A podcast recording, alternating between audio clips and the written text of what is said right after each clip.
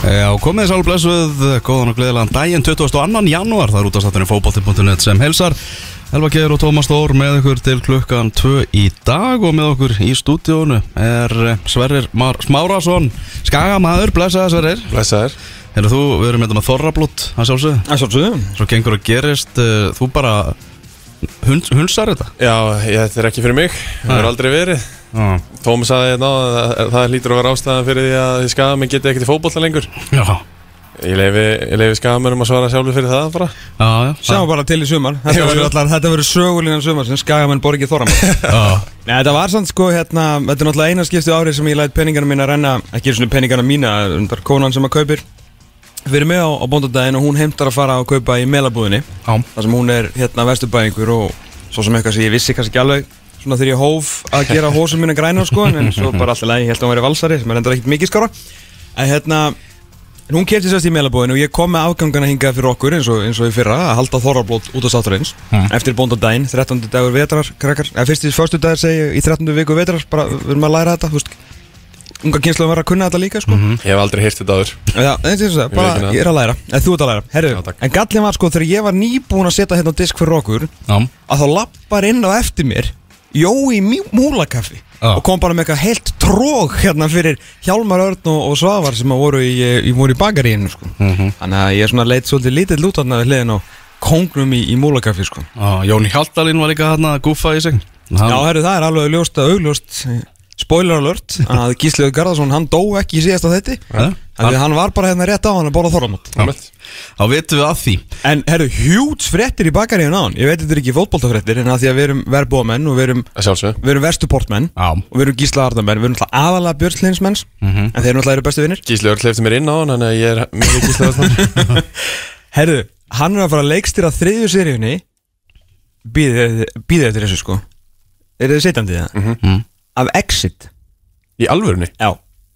Er hann að fara að leikstýra Jep. henni? Gísland Garðarsson? Jep. Ok Djöfull, það, er, dæmi. það er ekkit eðlilega stórt Það er það rugglað sko Það verður Það algjörlega verður geðveikt. Já, risa fréttir, mjög skemmtilega fréttir. Heyrðu í það? Ég er að vona til þess að sko fjölmjörnir munu vitna í mig En ekki hann. Það væri huguleg Heyrðu í þætturum í dag Það var það ótíma bara spáin. Það er fyrsta ótíma bara spáin fyrir Íslandsmóti í fótbolta sem náttúrulega hefst eh, hvað annan í páskum. Það er aldrei byrjað fyrr þá verður, verður opnunaleikurinn í nýrri deild nýrri og breyttri deild. Uh, eins og Þóri Hákunarsson sagði við okkur um daginn þá var núna í byrjun februar þá að Já, svona frumsýn þetta, tilkynna þetta, tilkynna hvert nafnið er, við erum búin að vera með vinnuheitið Íslandsdeildin, spurning hvort að það muni enda þannig, við býðum og, býðum og sjáum. Við erum að fara yfir öll tólliðin, skoða en svona rýna í þetta. Og svo munum við að sjálfsög taka aðra ótíma bara spá eftir um það byrjum mánuð. Og, og þá munum við kannski svona meira horfa í svona prísísonið og, og leikina á, á undirbúinustíðanbyrjunu. Já, svona eftir bósbyggarinn, það er náttúrulega ennþá umdelt hvort að það sé end of season eða pre-season tournament sko End of season. uh, End of season, já, er líka svolítið eftir hvernig vikingi gengur það bara uh, En svo náttúrulega síðan hefur náttúrulega veiran skæða svolítið verið að býta fótboltum.net og Reykjavík byggarinn uh, í rassin því að það er verið að fresta hurjum leiknum á, á fætur öðrum Já. og meðan að viljum er bara, þú veist, með þvílíkum maður Og Svandís var bara með svona 500-600 smitt, viljum mætir, bæng, 12, 13, 14, 1500 Þú veist, þetta er keppnismæður Alltaf mættu til að vinna. Alltaf mættu til að vinna. Og hann er sko pakka Svandísi saman í smittum sko. Þetta er nú ekkert eðlilega vel gert hjá hann sko. Sama hversu harðar sótvallarreglur eru, Já, þá bara... Nei, nei, fljú 1200 í dag og þú veist, þetta er algjör geggjaður gæði sko. Og ég fekk bara COVID á þess að vita af því eins já, stóra fréttir í vikunni. Já. Og Sa- sannar manning Fór í mótöðumælingu og kannaði þetta. Herru, ég er bara búinn að fá COVID. Fekk það einhvern tímann. Vel gert. Já. Ekki Eru sókvi og engin einagrun og ekki neitt. Nei, að einkenni taka eða- Já Rugglað, þú veist ekki svona hverja á smitaðar eða smitaðar eitthvað Ég myndi hugsa, ég hef örugglega bara fengið þetta einhvern tímann þegar ég hef verið riðgæður eftir eitthvað gott kvöld kvöldu á undan og, og bara ekki gert með grein fyrir einkennunum Og bara tekið vikuna. Varst bara með einkenni. Hversu oft hefur þú veist eitthvað þú veist, verið að spjalla á okkur um lögatast að sundasmótna eða eitthvað og bara eitthvað, herru, ég held ég sem er COVID-19 Ég er allan með öll einkenni Í eitt af þessu skiptum þá varstu actually með Já, COVID-19 lítur út fyrir það sko. Herri, ég held að ég þurfa að fara að kíkja þarna líka Við erum nú það mikið saman og svona ég, ég held ég hafi einhvern veginn sloppið hingað til sko Já, ég fór á, fór á hérna, hvað er það? Sameind. Samend, já. Já. Fór bara inn og út Þeir hérna í ormólunum rétt fyrir ofan okkur Já. Það tók mig fjóra mínútur eða eitthvað Svo tveimur tíma setna, þá var ég bara komið með skilabóðin Er þetta gert með- blóðpröfa? Jú, Þetta er blóð, já, þetta er ekki pinni næ, Nó, kósi þetta er blóðpröfa Ósí, það er miklu verra fyrir blóðpröfu Nei, þetta er eitthvað rauglaður?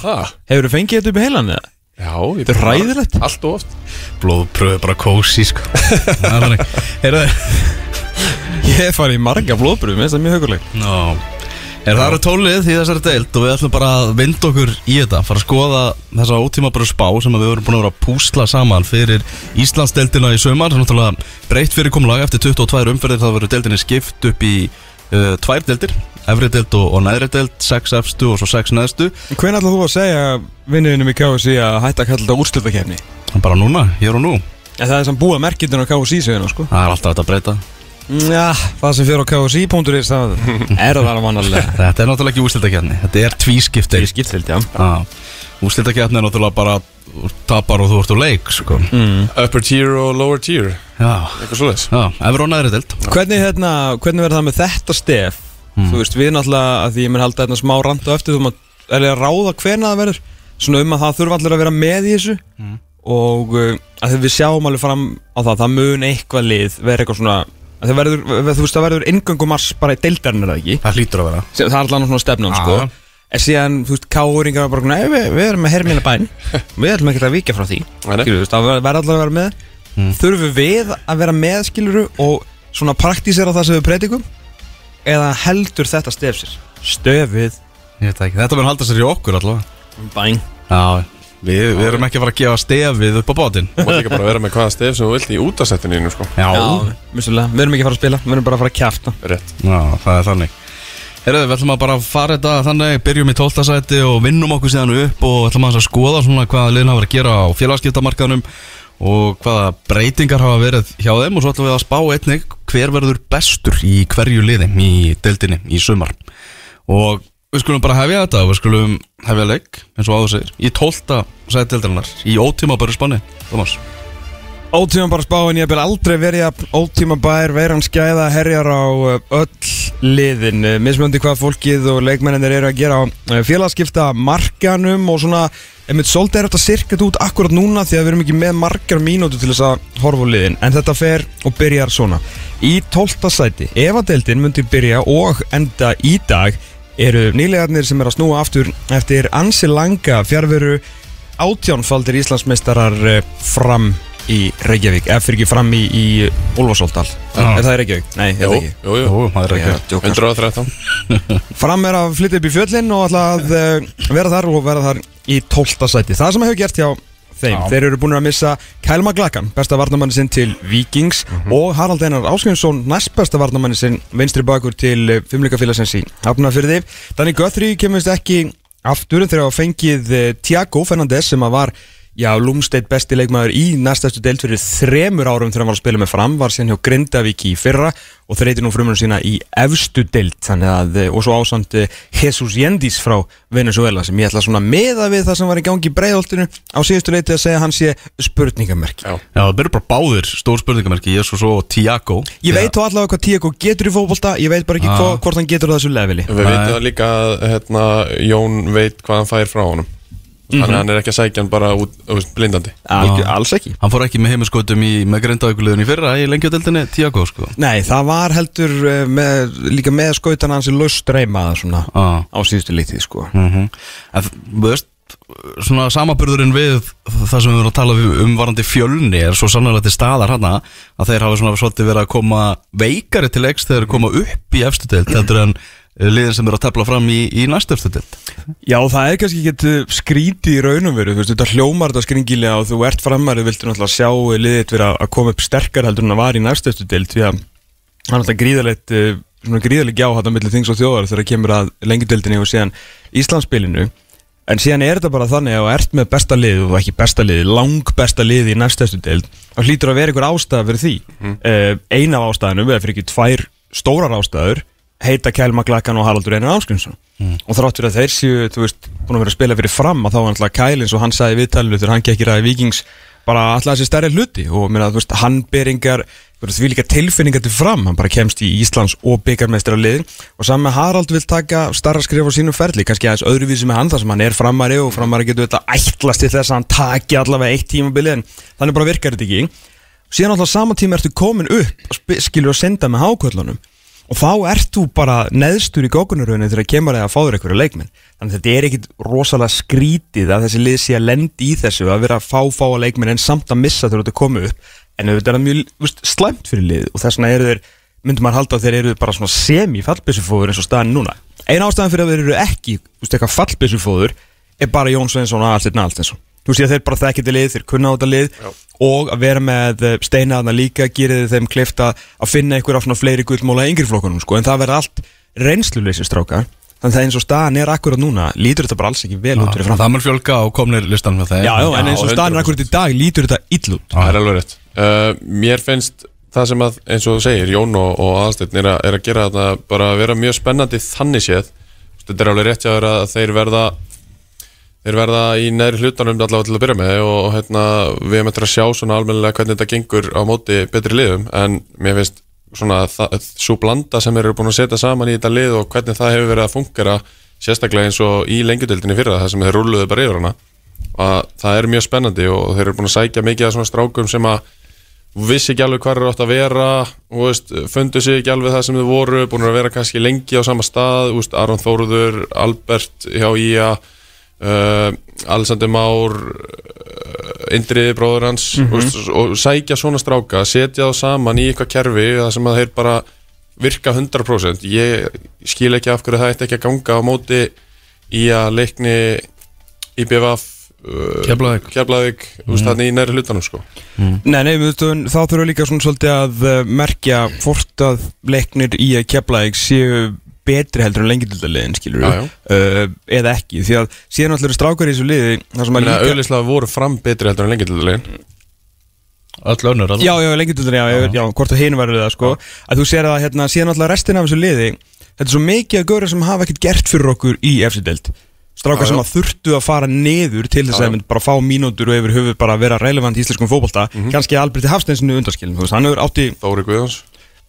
svolítið langt síðan en hann ávísulega já, 2000 árið ykkur hérna 7-8 marka tímbil þannig að við tökum það ekki á hann en samt verið svolítið, kannski ekki mikil marka vel síðan komin Emitt, Aron Þórður eh, Gunnar Gunnarsson Mhm. eh, Ólafur Ísólm í markinu svona Mattias Króks svona, svona gæjar sko eh, hérna, Láka sinir og svona sem að veist, ég veit ekki af hverju þeir ættu að koma 2022 og allt í einu einhvern veginn vera einhverjar Íslands spilstjörnum Aha. fattur Já, já Ég held ekki að sko missir hann á Kyle McLachlan sem svo mikil hann var svo mikil vítaminsbrauta bara fyrir all liðið. Maður bara sá, það er sá það alveg greinilega. Þegar við vorum að tala hérna með Eidur Aron væri besti hafsend eldarinnar Mhm. þú veist þá voru framar að bara brjálaður öskurandi á útvarpið og bara myndir á Twitter bara þetta er besti varnamæðurinn í deildinni. Mhm. þeir höfðu svo mikla ofur trú á honum. Það er rosalega svona að missa hann náttúrulega tekur, tekur mikið frá þeim Já, líka hraði sem að gera þeim kleift að stíga hærra í pressuna og, og úst, spila sinn leik þannig að þeir þurfa að fá okkur í, í staðin fyrir hann klálega sko. En það þarf svo sannlega að bæti í mannskapin ef að framallar ekki að vera bara eitt tímbill hann uppi. ég meina glukkinn það er bara mínus á, á hann Já, já, alveg bara frekar stór mínu sko. Já. Með helmingurinn af vördinni farin. Mm uh, hver verður bestur hjá, hjá fram í sumar? Ég ætla að henda Óla Ísholm á þetta Ég held að hann hafi nóg að gera í, í markinu og hann muni ja, er verja, svona- verja ansi mörg skott Já, ég bara, í svona, þetta er kannski meiri von heldur en eitthvað annað. En nei, þú veist, hann er besti leikmaðurinn í þessu liði. Hann er kannski ekki eitthvað ævinterlegt, hérna, óvænt sjátt. En ég held að, að held og vona að uh, Albert Harstensson verði langbesti leikmaðurinn í þessu liði. 100% samanlega því og ég eiginlega bara rekna með því sko. ég, hérna, Annað væri skrítið, sko, þú veist, hann er eiginlega eini leikmaðurinn í þessu liði sem ég set alvöru kröfur á, sko. já, já. Ég held að hann komi með svolítið bara svona ef við tökum Khloe Kardashian Revenge Body í, í, í Pepsi-deildina í ár eða Íslands-deildina Erum þá vindum við okkur upp í ótímabara spáni Förum upp í 11. sætið liðir, liðir sem spáð er falli Ásamt frumurum Já, það voru, það voru fjórum spám skilað inn og meðaltalið endaði þannig að niður um tvö sæti í niður í 11. sætið, kannski ekki allir sem að föttu þetta lið endaði í nýjunda sæti á síðustu leitið en niður um tvö frá eh, lokum síðasta tímpils í 11. sæti er uh, liðir sem að gera sitt allra besta til þess að falla á síðustu leitið nema í síðustu þrejmáleikjónum Íþróttabandalag Akranes fellur með fram með við ótíðumböru spána í janúar Þess- Þessi spá kemur ekki óvart Sverrir. Nei, alls ekki uh, Sérstaklega ekki ef þið verið að byrja að setja hana saman fyrir svona viku síðan Mm.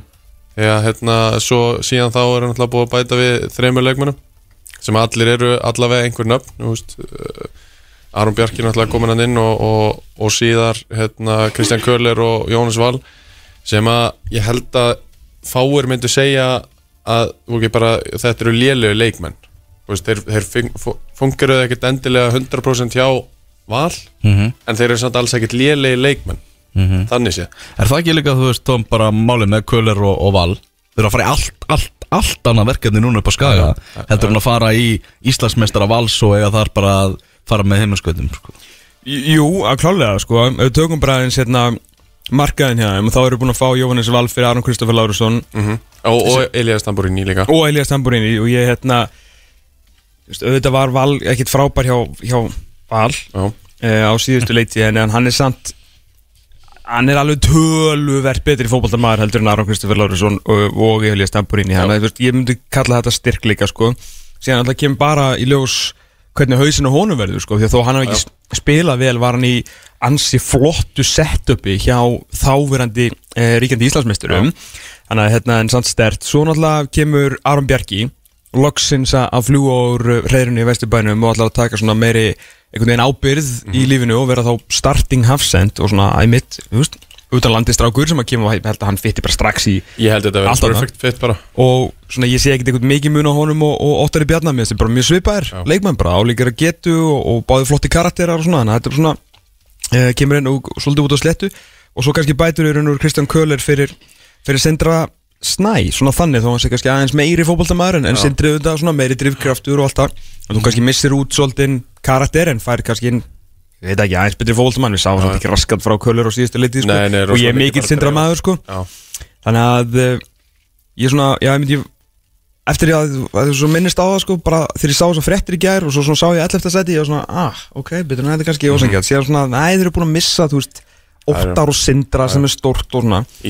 og og Ísak líka. Og Ísak sem er náttúrulega, það er náttúrulega hjút sko, sérstaklega með hvernig hann var að spila undir lokinu síðustu lit. Og það er bitið sem verður uh, eða skar sem verður mér eftir að fylla.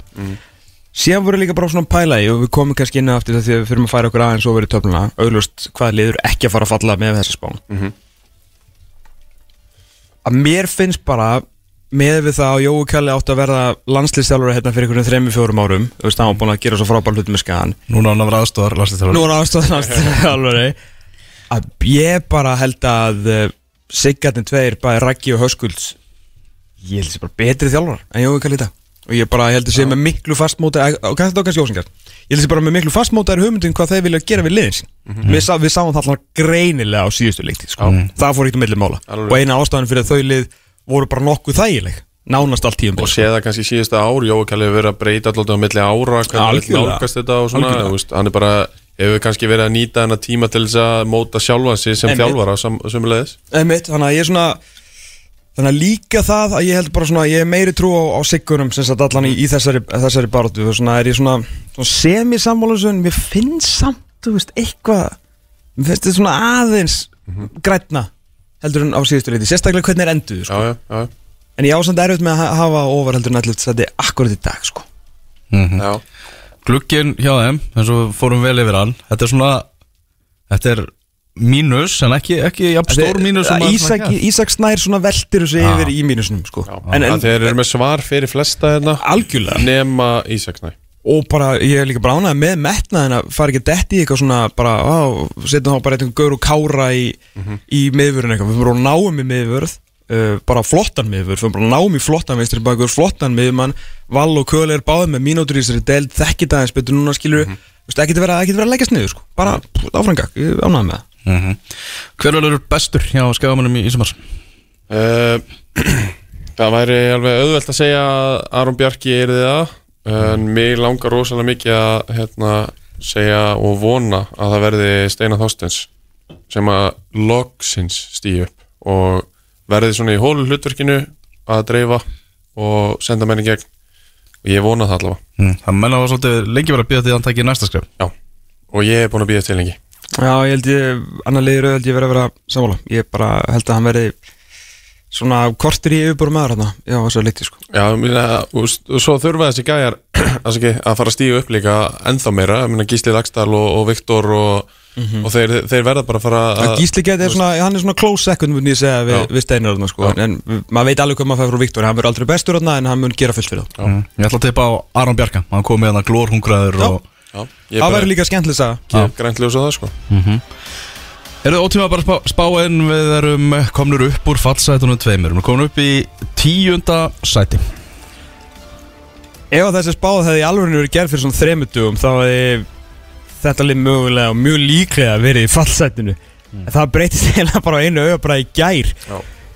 upp um, uh, um niður um tvö sæti reyndar eftir frábara endurkomuleikt í eftir deild uh, en munu endur tíundasæti með við ótímbaru spána núna er uh, leiknir í breiðholti Áttundasætt og síðustu leiktíð með eina skjærustu stjórnum deildarinnar framan af og það dugði til Já, það gerir það. með kingi magnaðan sævar alltaf þó að hann hafi svona verið hvað var að segja, bjartasta ljósið á, á trénu því að margt var gott þarna.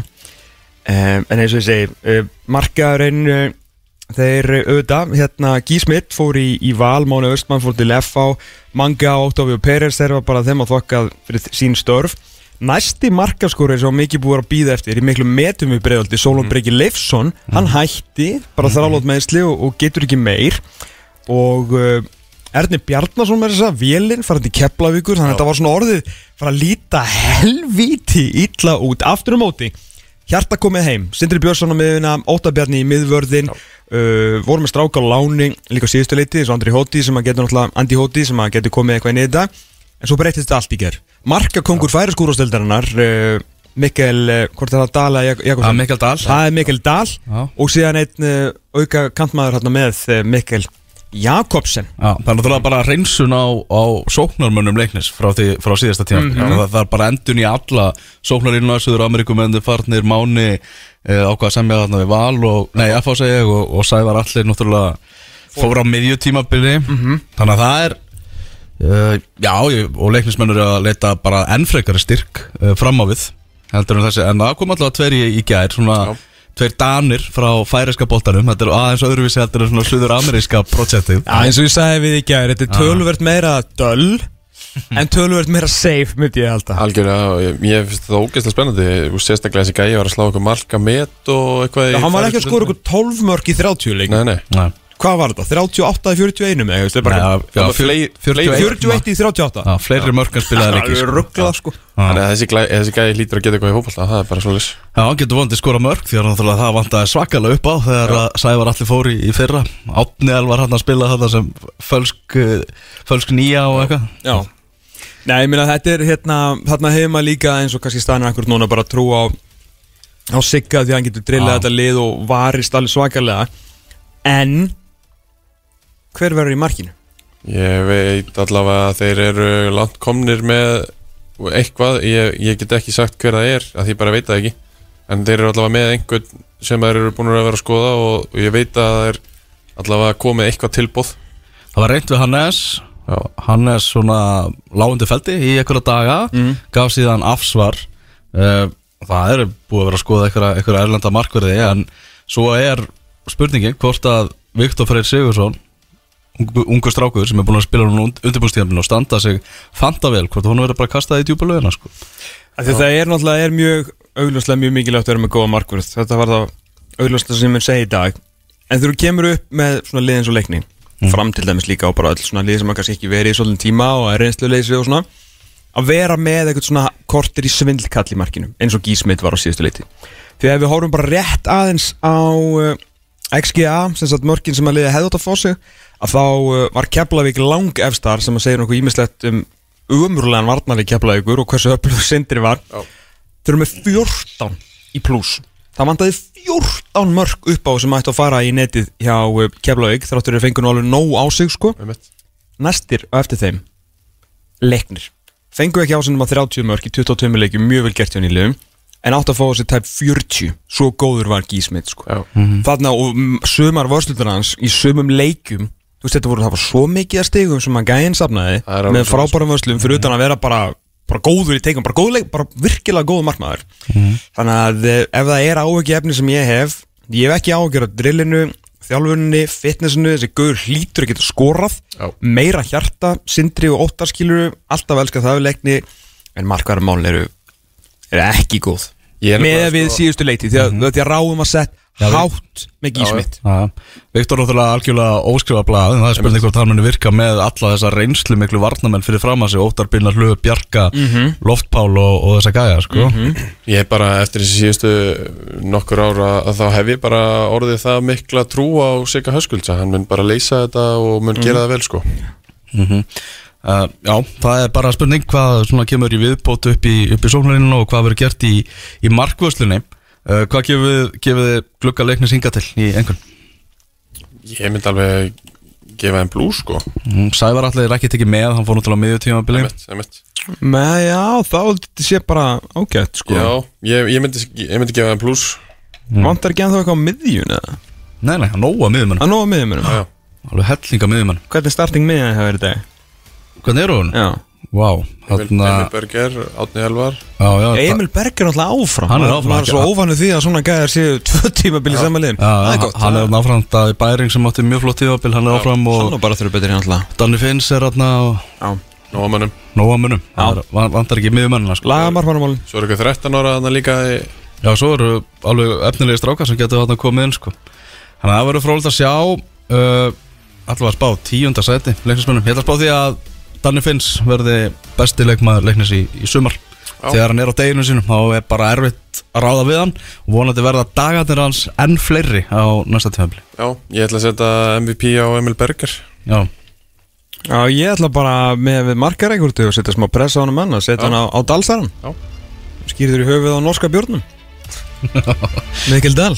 Og við kunum að virða það sko. Algjörlega. Það er þannig Herra, við ætlum að vinda okkur næst í nýjunda sæti tildarinnar í ótíma á Bærjusbáni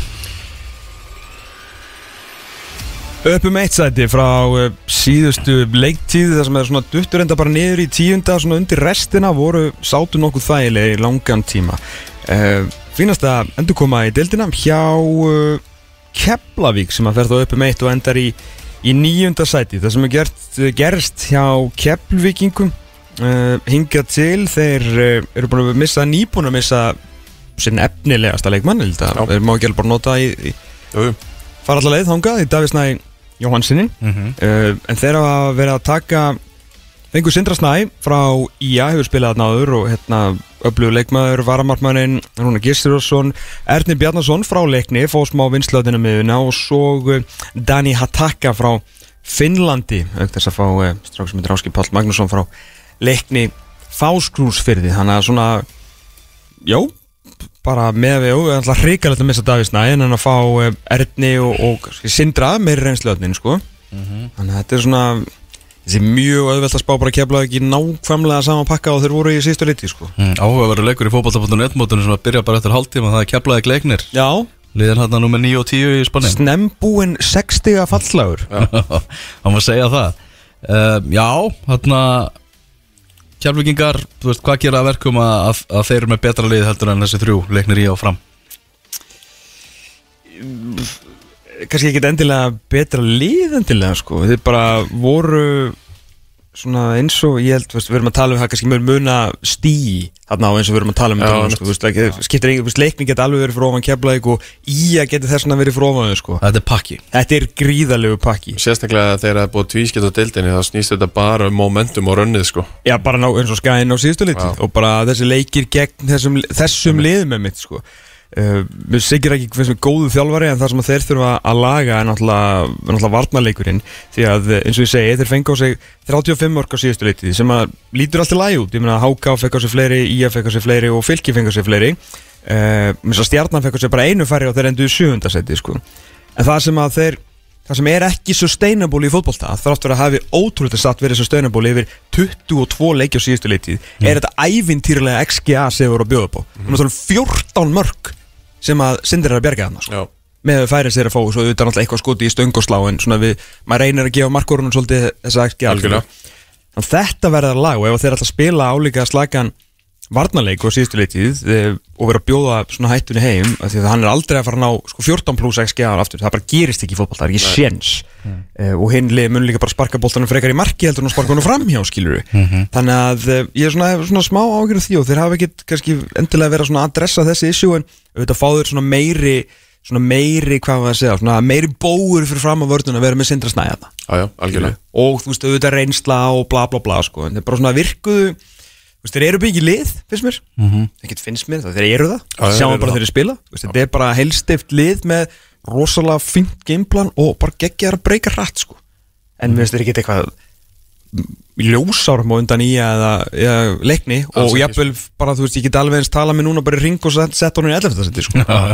Sko, það sem að mér finnst að, að þyrfti eiginlega að hérna, vera þeirra helsti fókus árið 2022 væri að, að reyna að vera allavega alltaf með svona 11 til 14 og svona fyrstu gæðina sem mest heila og sem mest available. -hmm. það bara gerðist alltaf hjá þeim í fyrra sko. Nei, nei, og besti maður náttúrulega með þess þetta er hvað fimmum fyrir eða eitthvað skilur eða hvað endist hann lengi hérna Rúnar í vinstri bakgrunum í miður sko, en þá fór frábælega stað. Og svo, þú veist, eh, voru þeir einhvern veginn, bara það var alltaf þrýr, fjóri metir eh, og einn í banni og, og, og varnalínan var oftar en ekki bara öll off og veist, þetta er bara það sem að þeir þurfa að setja mestan fókus á að hafa menn bara heila Já. þá hef ég rosalega litlar á, áhugjur aðeim sko. Einmitt. af því að eins og þú segir, gott gameplan Siggi er að gera, gera góða hluti hann er búin að ná þeim á sitt band skilur og þeir eru að vinna eitthvað saman og Dundur markmann. Algjörlega, Og nú ræður sig ekki þessu bara. Joey Gibbs. Einstedt hún, Joe er- Gibbs. Einstedt hún er farin Þannig að nú er bara Nú er alveg skýrt hver ræður Hver er maðurinn í brúnni.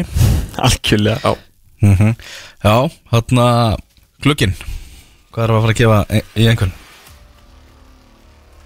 Já, eru ekki fara að gefa bara smá ég er ljóta að fá pluss Já, það. ekki Þú veist, Davís nær ekki það góður ennþá að hann vegi upp á móti þremur strákum með, með reynslu sko. Nei, alls ekki. Þannig að þeir eru bara að geta fínluti sko. Ekki Ég eitthvað líka- stórkostlegt en þetta, svona, þetta sveiflast yfir í grænt. Áski Páll geta alveg komið í eitthvað hlutverk uh, öllum að svona kannski óvarum Mm frá Kann bara leikni ekki- fósk Kann bara ekki deili á þeim mæta manni sko. Nei, hann er búin að vera mjög öflugur hjá leikni í, í nokkur ár. Ok, X-Factor og hann. Heyrðu við, ég ætla að velja Joey Gibbs sem líklegast hann til að vera bestur hjá, hjá Kefla ekki, ég ætla ekki að finna pjólið þar. Nei, nei, að sammála því. Sammála því. Ah.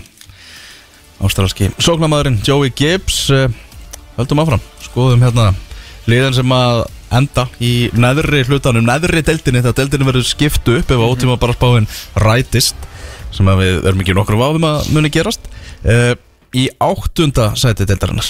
Það eru nýlegar Já, það fyrir að uh, endi öðru seti á, á síðustu leiti í lengdöldinni er þetta lið uh, er þið spáð áttunda sæti ah. í ótíðum bara spörni í, í janúar og þetta morðað þannig að eina af spánum sem var skilað inn var ekki kannski á pari við hinnar en, en hérna gæti að vera frá mér þannig að hérna þeir uh, já, íþróttabandalega vestmanna verður bara eins þægilegt og verður í áttunda sæti á næstu leitið með við ótöfumbarspánu núna 22.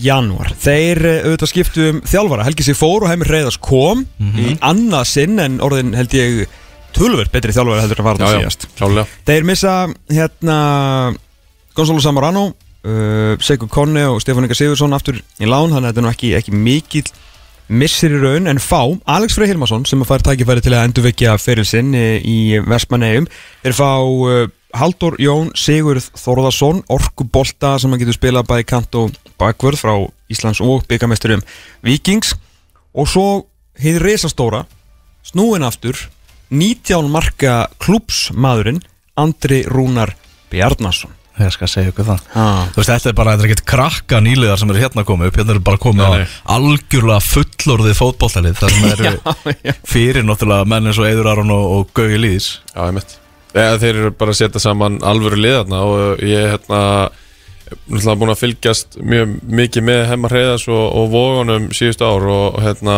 mér finnst það sem að hann gerði þar úst, hann kom bara strax inn, setti sitt identity á þetta bjóð bara til svona svolítið Breska nýlendu algjörlega. Meiri þess að Íslendingarnir voru breddar Algjörlega. Bara lamið í hérna Það var umulegt að spila á móti þeim og, og hérna bara hundleðilegt að mæta þeim og ég, ég er alveg handvið sem að hann áttur að gera það út í eigum sérstaklega Mm. að, hérna lið verða mjög smeyk við að fara ánga uh, þetta lið sem hann er að setja saman lítur rosalega vel út.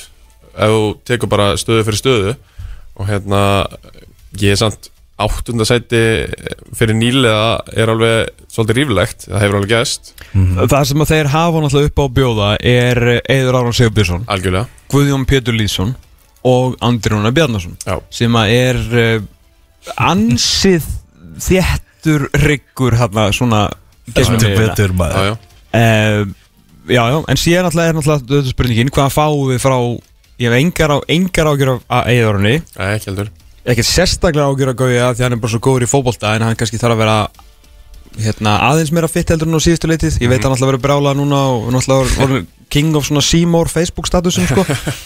En hann veit það líka alveg sjálfur skil og hann snýst ekkit um að vera einhverjum eh, einhver svona einhver hlaupa kall út um allt sko þó hann sé að fínast eða fyrir hann alltaf snýst, bara hans þing á fótboltavelli er bara að spila, færa, dreifa og skora sko, sem hann er frábæri og við höfum alltaf verið miklu aðdáðundur en síðan er alltaf þetta svakalega spurningamörki sem er Andir Rúnar Bjarnason. Hvað er Andir Rúnar Bjarnason í dag? það er bara eina stóru sögulínum sögmarsins Já, já, 19 markamæðurinn fór út, gekk reyndar ágætlega og, þú veist, Til að byrja með til að byrja með svo bara alla lendir henni meðslum og svona og svo spyrir maður sig þegar hann kemur núna heim. Skilur við, hvað er er hungur? Þú veist, er hann ennþá, þú veist, er hann uh, komin aftur í NBA og pítsunar? ég ætla að fara að segja þetta. Menn þú veist, hann er búinn að segra þessa deild, hann er búinn að prófa mjög síðbúna atvinnumensku Já, og nú á hann að koma og gera þetta allt sko, hann kemur heim, þetta er 90 marka maður sko, fattur, ef að við myndum fara aftur í tíman einhvern veginn og fá sko Tryggvi Guðmundsson myndum mæta bara, þú veist, úr einhverjum hérna fristiklefa bara okkur klónaður hann var ekki að spila í IPVAF sko, ég veit að hann er eiginmaður, það var mjög vond dæmi. Segjum bara, þú veist, okkur Dóttir Guðjóns var vantilega í og bla bla en af hverju er ekki Andrúna Bjarnason í val Breiðablík, Viking eða Káar? ég held að Eitthvað hljóta menn að vita eða óttast eða hræðast sko. Já, klálega. Uh, Ég held að Valur hafi bara veðja á annan hest þar. Mm.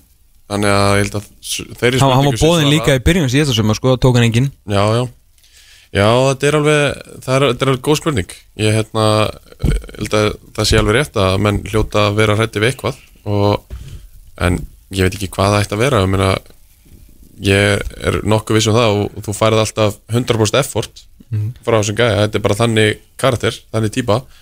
Það er ekkit endilega víst að hann skori 15 pluss mörg no, nokkuð tíman aftur í, í delt á Íslandi en, en þú fari alltaf effort, þú fari alltaf er svona svipu típa kannski og Jón Daði, þú veist, uh, með landsliðinu. Mm -hmm.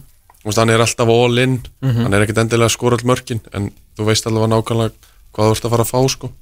Það er líka spurningamerki á hinum enda vallarins Haldur Páll Gesson, markvörður. Menna hann þarf að salna sig núna í, í efstu deild, það er alveg og hann veit alveg sjálfur að það er sett spurningamerki á hann þegar farið er inn í þetta mót en, en eiga menn alltaf treyst á hann Já, og svo er hann alltaf búin að bæta við Guðan Ára líka, ekki gleyma honum Já, hann mætir hann það í, Já, já. í samkeppnina eiga menn í, í, í rammanum Hvað fær gl- glugginn í einhvern? Þetta er Þetta er stór blues Já, já, já, já, já. Nei, ég meina, þú veist, Gonsi hefur ekkert í eftir deild að gera uh, Stefán Ingi var hvort er alltaf að fara að vera áfram Ég meina, bara, þú veist, Bliki, kannski kemur hann aftur Bjarni Ólafur náttúrulega tók ekki þátt í síðustu og hann sé þarna á farnilistanum einmitt. og þannig að, uh, já, bara frábær blues en hérna það kemur ekki dórt að þeir myndu ná sér í uh, markmann fyrir, fyrir hérna áruna móti fyrir á stað sko. Já, ég er það alltaf að treysta Halldóri. Já, en sjáum hvað gerist, hvernig undirbúinustíðanbili þróast og svona. Mm. Heyrðu, ég segja að Eidur Aron verði bestur. Sammála því Volt að þú fer alltaf að byrja, þú ert alltaf með auðlösa kostin, en það auðvitað verður það Aron, Já. hann getur spilað í hvaða liði sem del sem er og í hvaða liði í, í Skandinavíu líka sem er, ef hann væri bara með þannig hausin stilta, sko, geggjað leikmaður, sko. mm Árum við fyrir að tróða fleiri rútspunkum í okkur hérna en frammi þá er það eitt lið í, í viðbót sem við ætlum að taka árum við tökum smá hlið Það er að segja að það er lið sem að þarf að sætta sig við það deildinni. Mm. og þetta lið hefur engan númur fyrir því. Þetta lið, sko, það er reyndar ekki húma þú eru spáð í öðru sæti, hérna, einhverju marsbá fyrir þreymur árum, þannig að þeir eru vel aldrei sáttir, sem er líka fínt, þetta eru góði vinnur okkar. Uh, þessu lið er spáð held í þessu sæti og hverju ári, að það hefur engin trú að þeir ná að fara ofar. Og það er bara hins, þetta er svona innan gæðslega bara stóru sex sko, eru bara alltaf sett fyrir ofa og sama hvað þeir gera. Og það er, eh, því hefur ekkert verið breytt núna það er áttur að enda í á síðustu leiti og verið í alvöru sko titilbaráttu lengi vel og svo uh, Evrópubaráttu faraði niður um þrjú sæti í sjöunda sæti knaspinufélag Akureyrar. Já, þráttur að það hafi verið sko alveg augljós stígandi undir stjórn Arnars Gretarssonar þá erum við ekki að íta um herrið þetta. Nei, ég held að það verði bara að fá að teljast eðlilegt í raunni það er enginn kominn Nei, og þeir eru búin að missa Hendrix, Gudelag, Mikkel Quist sem eru bara frábæri leikmenn mm. uh, veist, þeir verða að bæta eitthvað vissi í, í svona sama bóri við hinn liðin í kringu að þeir ætla að fá að herri spáðu þetta þannig að Sæfa Péturs má bara DM-a okkur og, og hérna ég að láta okkur vita að hverjir er að koma Já, einmitt uh, Sko, já, eins og segi, K.A. endar í hérna, hvað, já, fyrir að setjunu á síðustu litið mistu þarna rétt svo af uh, rétt svo af lestinni og svona re- talandi um hérna, sko, XGA og, og hvað þeir svona voru að gera, þeir náttúrulega fengu sko, K.A. fekk bara á sig átján mörg á síðustu litið, gleymið því ekki Arna Gretarsson elskar gott skipulagt fótballtalið Algjörlega. eins og hann gerði bara strax hérna, fór að vinna í strax þegar hann kom til Akureyrar og svo sem getur minnst á það svona einu svona í viðbjóða þeir voru ekki skemmtilegi framan af. En hann skilur er svo góð þjálfari að þeir svona fóru að bæta ofan á. Þeir ok, treystu vörnuna, flottir fram á við skuru 34 mörg um, sem var hvað þriðja mest í deildinni og eftir, eftir Blíku Vikingi og, og FH en það var einn maður í markinu sem að eh, heiti Stöpur Mhm. sem að var með eh, sko, pluss 8,3 í XGA sko, þannig að eh, það var ekki alveg eins og þessi svakalega varnabaki væri að halda all svakalega sko. mm veist, það var magnaður í markinu. Stöpuð og frábærs en við höfum líka ekki með ekki glemma því að Káa var að sko henda frá sér stegum með alls sko þau bara þau voru fundur nýjar leiðir nánast í hverjum leik. Skjóta yfir og víti á 9050 klúra á döðafærum þannig að þetta var svona skilu en á móti hefur alveg getað tapa fleiri leikim þannig að mér fannst þeir svona koma þess út á pari og voru bara flottir en við viljum allan að meina eins og staðin er akkurat núna að þessi svona hefbundu hefbundu segja sem ég veit ekki okkur hvað það vikingur sé þar en þeir eru náttúrulega njóta mikil svafa núna þeir eru Íslands og byggamestrar en eh, já, mínus þrýr með, en já, engi gluggi. Þannig að þetta er bara svona sama en við vitum svo sem að það munu koma leikmenn að það sko. Já, já. Nú er Jajalo komin aftur, þar hann bara sagt að við að vera á bekknum? Bara stubbur heldur hún frá. Anna væri stórfurðuleg. Já, ég myndi bara vera, vera mjög hissa ef að, ef að Stöpuð er ekki liðinu sko Hvað gefur við svona glugga það sem að, já, þetta er bara mínus á gluggan hinga til. Já, bara fallengun eins og en, en við, við endum alltaf á því að þeir verða með solid áttu sko. Já, Það, það verður alltaf þannig. Þeir, þeir munu alltaf bæta inn og, og það er góðum leikmennum sko. Það er rosalega erfitt að uh, tala um hérna Káa oft, oft, í, oft í janúar. Já. uh, það er mjög erfitt. Ég fekk bara broskall. Frá Sævari Það var ekkert- það var ekkert meira að þessu sinni. En eins og segi, þeir náttúrulega Já, það er bara liðin í kringu að hafa verið að að reyfa sig þess meira. Þeir eru bara alltaf, eru þægilegi bara í kjarnafæðismótun alltaf í janúar Vinna svona, þú veist, 5-15-0 og Já, já. eru bara góður á Þeim. Ungi strákar líka sem Arna var að gefa tæki fyrir á síðustu leiti sem að koma vantilega ennþá sterkari inn en þá vantar aðeins fleiri leikmenn því að við líka með þetta við það hvað heiliðin sem eru þá fyrir ofað á eru búinir að uh, gera. Algjörlega. Mm Og en þá heima var alltaf brasa á þeim og, og svona. Já. Sem að, já, við bara þáttur í þessu. Það er, það er þannig. Það er það. Herðu, ég ætla að byrja, Hallgrimur Mar Stegrinsson verður best til leikmaður káa Já, Tom? Mm, For the second year running, my man Stubbur. Okay. Ég ætla að hendi svo Áski Sigurgis Já, ok Ég held að hann komi, komi sterkur í núna. Það var ekki amalegt Fyrsta ótíma bara spáinn fyrir Íslandsdeildina 2022 Fram 12, Ía 11, Leiknu 10, Keflaðeg 9 IBVF 8, Káa 7 Það var komið að því að fara yfir efri hlutan, efri deildina. Og uh, það er sjötta sætið. Tom. Já, samkvæmt þessu verður þetta fyrstu sex liðin sem að spila í uh, Efri deild Íslandsbils 2020 og uh, 2 uh, Sjötta sæti upp um eitt sæti frá enda síðustu leiktíðar Mögulega mesta floppið í öllu mótinu á uh, síðustu leiktíð en uh, munu enda í sjötta sæti eins og staðan er akkurat uh, núna okkar mati og það er stjarnan úr Garðabæ. Þetta var rosalega súrt síðasta tímabil hjá þeim. Fannstu fannstu það? Já, og stjórnumönum fannst það líka. Já, ég held að það bara sé allir samanlæðir Já, já. Alveg voru bara í alvöru fallbaróttu þarna á tímbili, maður skildi ekki neitt. Nei, það var aldrei einhvern veginn Aldrei einhver smá uppreysaðan eitt sko. Nei, þetta var rosalega sérstætt. Ég hérna, að því að fyrir tímabilið á, Ég er náttúrulega er að þjálfa þarna yngri flokkana. Fyrir tímabilið var ég að hitta eitthvað af þessum að þessum uh, gæjum í, í hérna, stjórnuleginu og þá var verið að tala um bara veist, við erum betri heldur en þess og þessi og við verðum í öðru þriðja eða minnsta og einhverjur að segja að þeir séu bara að fara að vera kontenderar og svo eftir tvæ, hérna, tvær umferðir þá var það bara hrunnið sko mm. En hvernig er andin í Garðabæri núna?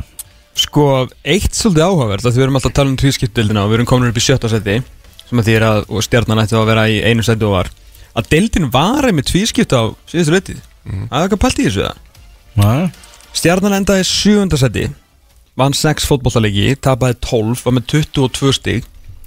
Fyrir ofan þá var FH með 33 stig vann 9 fótbollaleiki það voru 11 stig sem að skildu að efri og neðri hluta deildarinnar. Það er rosalegt.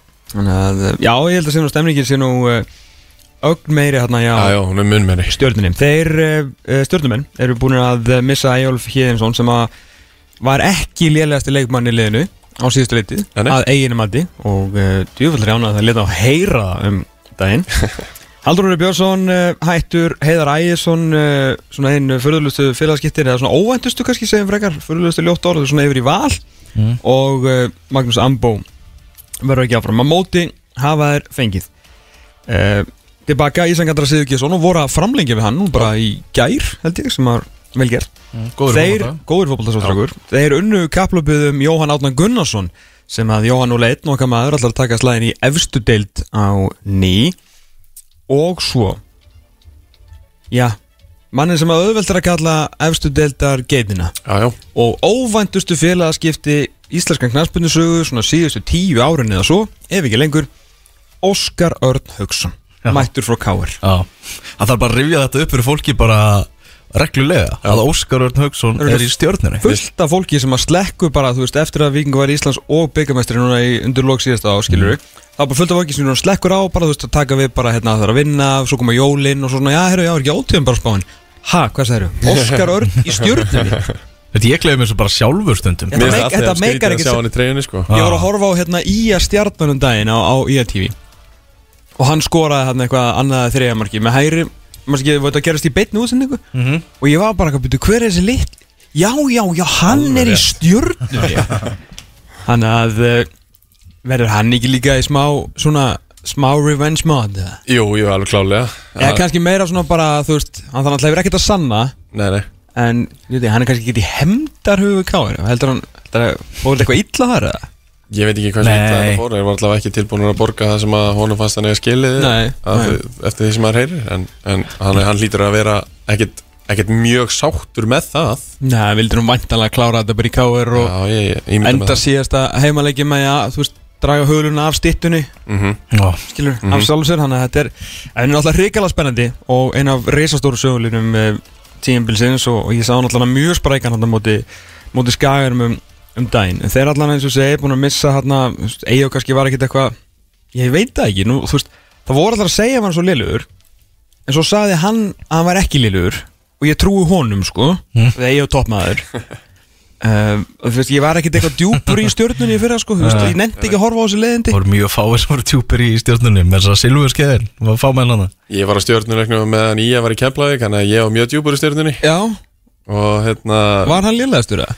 Lélegastur, nei, örgulega ekki. Nei, En að hóna fannst það ekki. það voru alveg margi lélegi sko. Já, Þannig ég, að- það sem ég sá það það voru alveg samkeppni um sko. fucking lélega Já. sko, nema Haraldur Björnsson þetta. Já, já, en hérna lélegastur Ég myndi nú aldrei setja það á eitthvað neitt sko. Nei, uh, en svona já, Jóhann Átni uh, búin að vera líka sprækur núna í þessu leikjum sem hann er búin að vera að Já. spila, hinga til og er náttúrulega hreikalega góð fótboltamæður og svo svona segir sagan að því sem maður heyrir að hérna, maður er nú ekki, ekki með eitthvað hreikalega sterk að tenga þarna út í út í uh, Garabæin en svona menn sem mjög ánæði með innkomu Mjöguls Ingarssonar Elisabetharssonar Já, að hann sé mikill svona frama þjálfari mm. sé svona sjáu svolítið um taktingina á meðan að Gústi gerir það sem að Gústi gerir og er bara bara einn nettu gæi. Já, það voru frólægt að sjá þessa samvinnu Já, Algjörlega. Gústa, Gústa Púst og, og, og Jökli. Algjörlega. Núna sko, þú veist, að hafa hérna pundits og raun og veru bara leikmenn svona like, aðeins vera að setja Gústa niður um fyrir svona taktísk uh,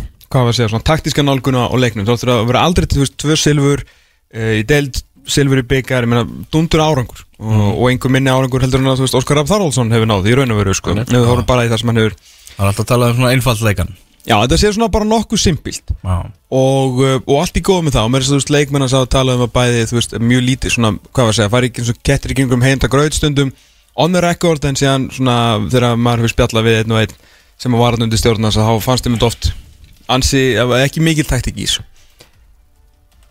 Allir hann hafi svona kannski átt að segja á því sjálfur að styrklingar hans kannski liggja ekki þarna og þess að náði í jökul. Þannig að hann geti einbett sér að því að vera það sem hann er. Mér finnst það mjög líklegt og og það ekki bara drullu flott? Jú, það er bara mjög flott. Hérna, Jökull er búin að gera mjög góð hluti með augnablík þráttur að þeir hafa ekkert náð neitt rosalegum árangri en þá er þeir búin að vera með mjög sterta identity og náttúrulega augnablík er þannig lið að menn kom og fara og, og svo leiðis og mikil smetinn eh, ekki innan vestfjörsku maðurfjönar endar en innan uh, í teiminu hjá blíkonum algjörlega.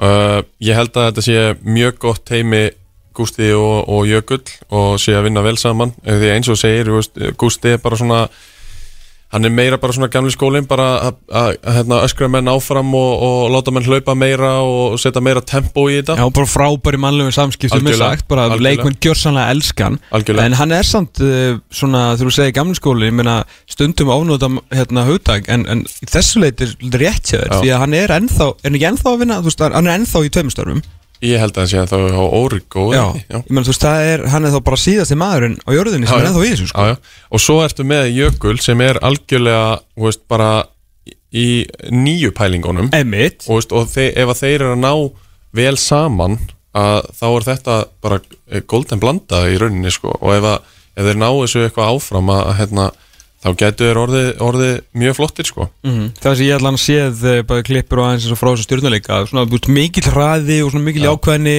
og hérna veist, verið flottir, ég, það verður allan að ég veit þetta bara upp um eitt sæti sko og það er ekkert að vera að þeir endi ofar en sjötta sko og jafnvel sjöunda eitthvað þannig en ég, ég hef svona betri tilfinningu fyrir stjórnun núna Já. að það sér þú veist, meiri sér það sem kannski verður slæmt verður gert á eila og betri fórsendum Já, ég, ég er líka að vona að þeir hérna, noti þessa ungu stráka í meira hlutverki það hlýtur af því að þetta eru góði gæjar sem eru búin að vera í öllum yngri landslíðunum og nokkri voru meðal hans valdir bara núna í undir 19 um daginn uh, Ísak Andri kemur tilbaka og hann er búin að vera að skora mm -hmm. uh, Adolf uh, Óli Valur náttúrulega var alveg hlutverki síðast Eggert líka er búin að ríkala upplöðu núna Já. í þessum leikjum sem við erum búinir þeir eiga bara að vera í, í meira hlutverki og miklu hlutverki að mínum mati, af því að Jökull er búin að vera að vinna með unga stráka búin að vera úst, þarna í augnablik og þekkir þetta, veit, veit hvað þarf til og þeir bara að keira á þetta núna finnst mér og vera þá bara ennþá betri næst. Ég, sko, ég held að stjarnan er ekki breyk í Európa-baráttu Nei, nei, við, þannig að þess þá heldur bara að já.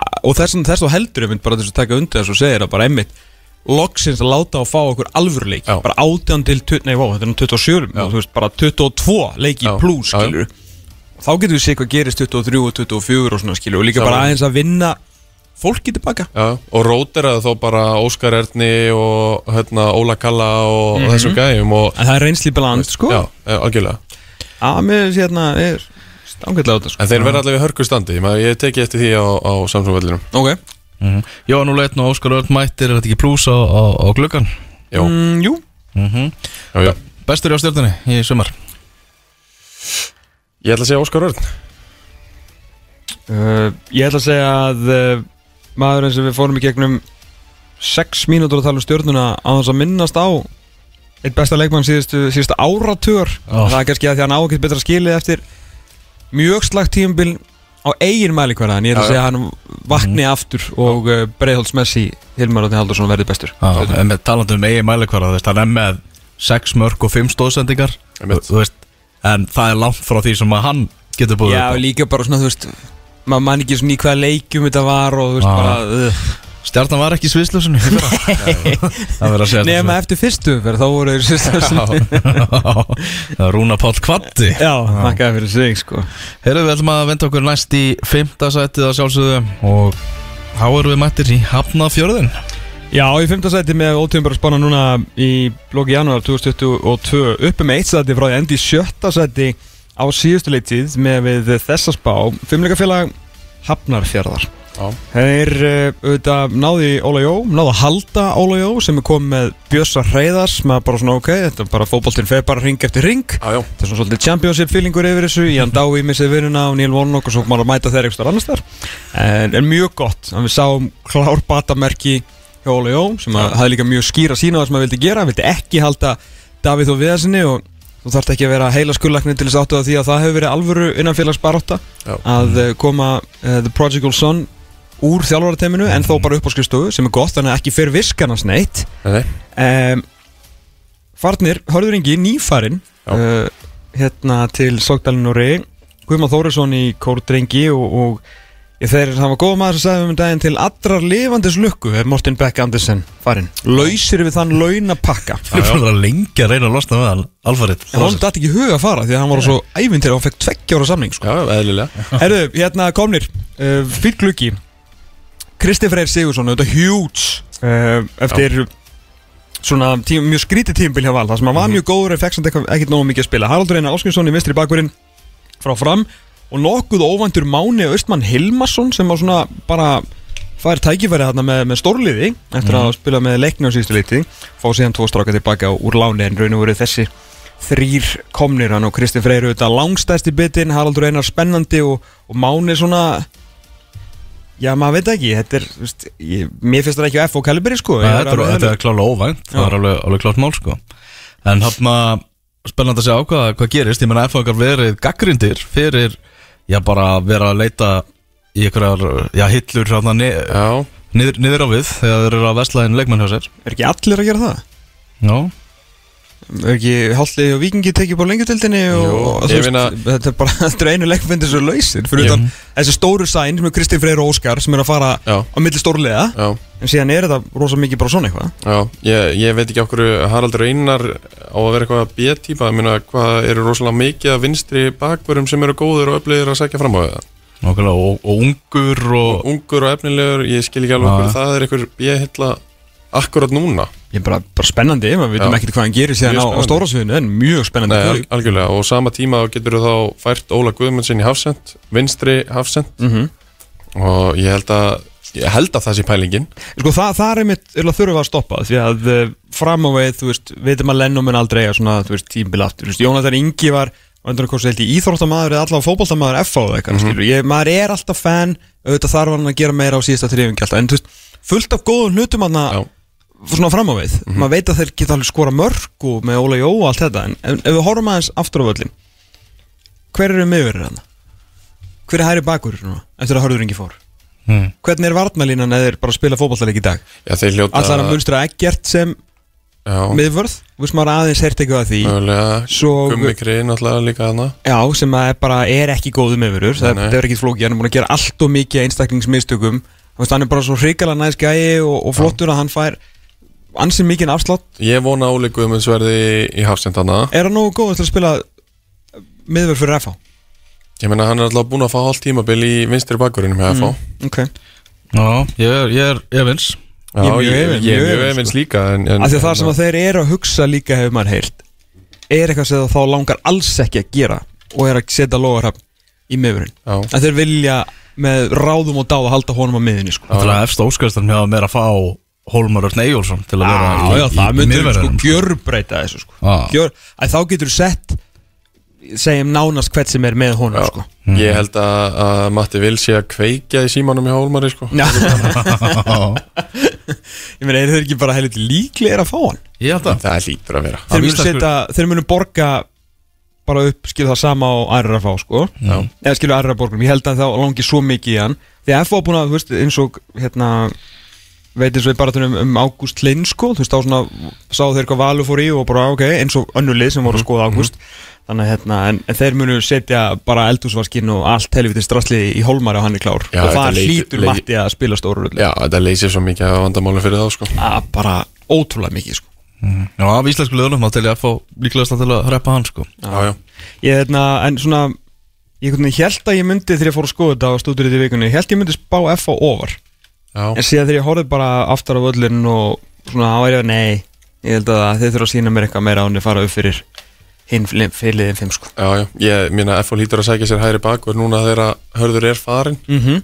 og Fengur fínan pening fyrir hann, herri Já, að, en það borguðu líka fínan penning fyrir hann þeir eru svoltan en eh, vissulega. Kemur út á sléttu. Já, Kristi Freyr að gera að verkum að það er plus í, í klukkanum á Evo?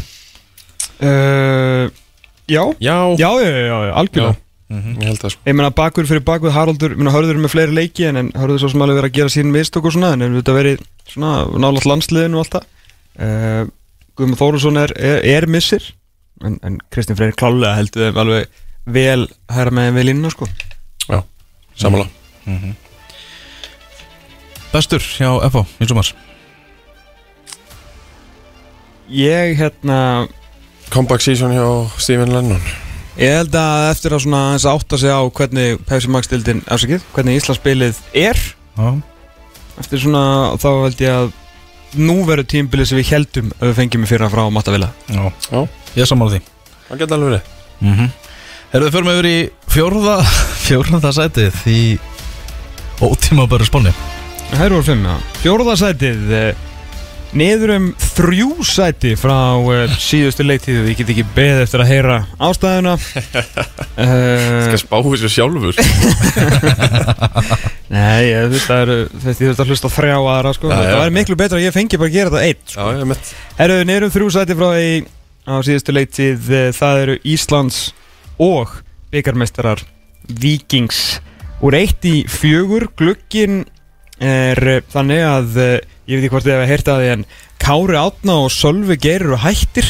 Já, Og þar fer við svona eitthvað svona reyns- sá fjóra þátt að sjónvars serju um það og, og þar fer vist mikil reynsla og eitthvað svona hef ég, Já, hef verið að heyra í út um allt. Herru, með Kí? Uh, superstjarnan í Afkon, hann er uh, ekki lengur í IBF og Haldur Jón Sigurður Þórðarsson er, er, er ekki lengur í Vikingi og Haldur Jón Sigurður Þórðarsson er farin til IBF á mótur komnir Kalma Glagan frá Fram. Davíður Nallarsson uh, kominn heim í svona Halldórs Orra félagaskipti. Svona mist af titlinum og kemur síðan heim. Já. Birnir Snær Ingarsson frá HK og Arnór Borg Guðjónsson frá uh, Fylki. Þannig að, já niður um þrjú sæti sem að þið er að augljóslega að Breiðablík verður hann einhver starf á sam- sömu slóðum í fyrra. Káur verður á sömu slóðum og í fyrra voru í þriðasetti Mm. og þarna er augljóst að það er verið að henda val upp fyrir uh, vikingar sem staðan er akkurat núna. Það er svona bara að segja sér nokkuð neðið sált það er sem að þau þrjú er eftir sko. Uh, vikingarnir eru búin að vera já, erfitt prísisón Já, COVID og, og svona mikið bras. Þeir hérna Arna Gunnars sagði nú eftir leikun daginn hérna, þeir eru komið tilbaka á móti fylki að þeir væri bara langt eftir á. Voru í smá bras í gerð líka með fjölni þar til þeir reyfu hausin og raskatinn á sér og, og pökkuðu þeim saman svona í, í restina. Verðist þeirra fínir hlutur að gerast í eh, svona fram á við. Helgi Guðjóns verður að skora, Byrnir Snær nána skorur í hverjum leik og svona Já. en, en þeir eru að fá svolítið á sig. Er það því að Kára og Sölvi eru ekki lengur eða? Þetta er svakalegir, svakalegir bitar. Það er alveg klart mál. Og náttúrulega líka það tala um að sé Erfiðar að verja að, Já. heldur en að vinna hann. Mér þetta var svakaleg tímabil Sem að vikingar eru að koma út úr. Já, Náttúrulega búið að gera þetta heilu heimildaþættina Og Jú, jú. hvað og hvað. Uh, Byggamestarar, Íslandsmeistarar og, og allt hannig Þannig að nú þarf að endurræsa sig. Já, og, og náttúrulega fullt af skemmtilegum hlutum. Er að fara í þessa turneringu meistaratilda turneringuna og vonast við eftir, verðum að fá hann enga heim sko. já, vonast þess að það var ekki ekki hún verður spiluð hérna heima. Það væri virkilega skemmtilegt.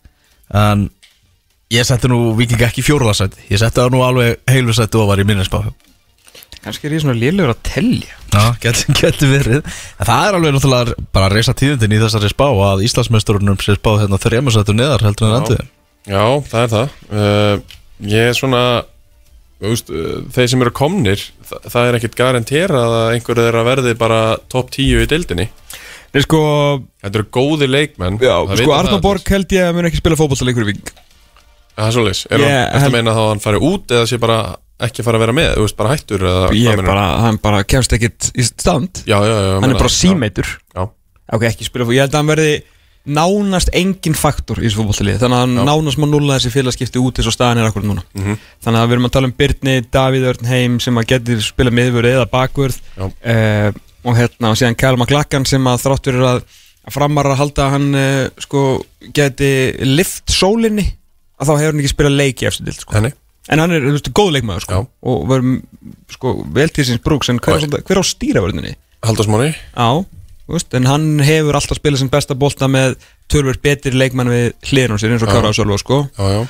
Þannig að það verða ennþá kannski meira ábyrð á, á hallanum en svo sem engar ágjur á honum sko en, en, engar, engar á að gera haldur en það er alveg ljóst að vörnum verður ekki jafn góð á síðustu leiti og sérstaklega ef að Arnar alltaf fara að fikra sig aðeins framar á öllin sko. verður allavega allt, allt öðru sér dýnamik Allt öðru þessi dýnum sko Þannig að þetta geti orðið svona Þeir þurfum náttúrulega bara að halda í hérna Já þeir meður náttúrulega, þú veist, færa sig aðeins framar og svona gera svona, munu held ég automatist fari aðeins meiri sóknarbolta skilur Já, að að- reyna að verjast meira bara framar á vellinum sko. Ég held líka pælingin með að fá Kyle CSU að það sé hægt að vera ofar á vellinum. Eins og ég var að tala um með fram í fyrra að, að veist, þeir gáti leitt sér að vera ofalega í hári pressu af því að Kyle er það snöggur. Algjörlega. Og hann mun alveg vera jafn snöggur fyrir viking og ég held að það sé alveg það sem að Arnar er að leita í sko Já, ég held að hérna ég held að mun skora fleiri mörg heldur en á, á síðustu leiti Byrnir Snærra komið vel inn í þetta ef að Kristall Máni ef hún verður ekki stólið fyrir tímbilið þá verður hann eitt besti leikmann í þessari deild. Uh, vil þessi alveg klart mál.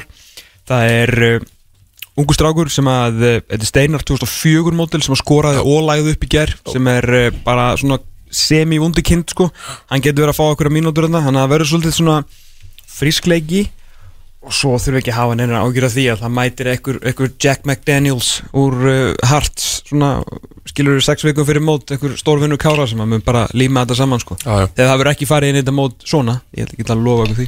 Nei, ég finnst það ólíklegt. Ég held að vikingar fara ekki neðar í ótíma spánu þegar hann er drefur Nei, mér finnst- mér finnst það finnst það skrítið sko. Já, Hvað gefur við glugganum svolítið?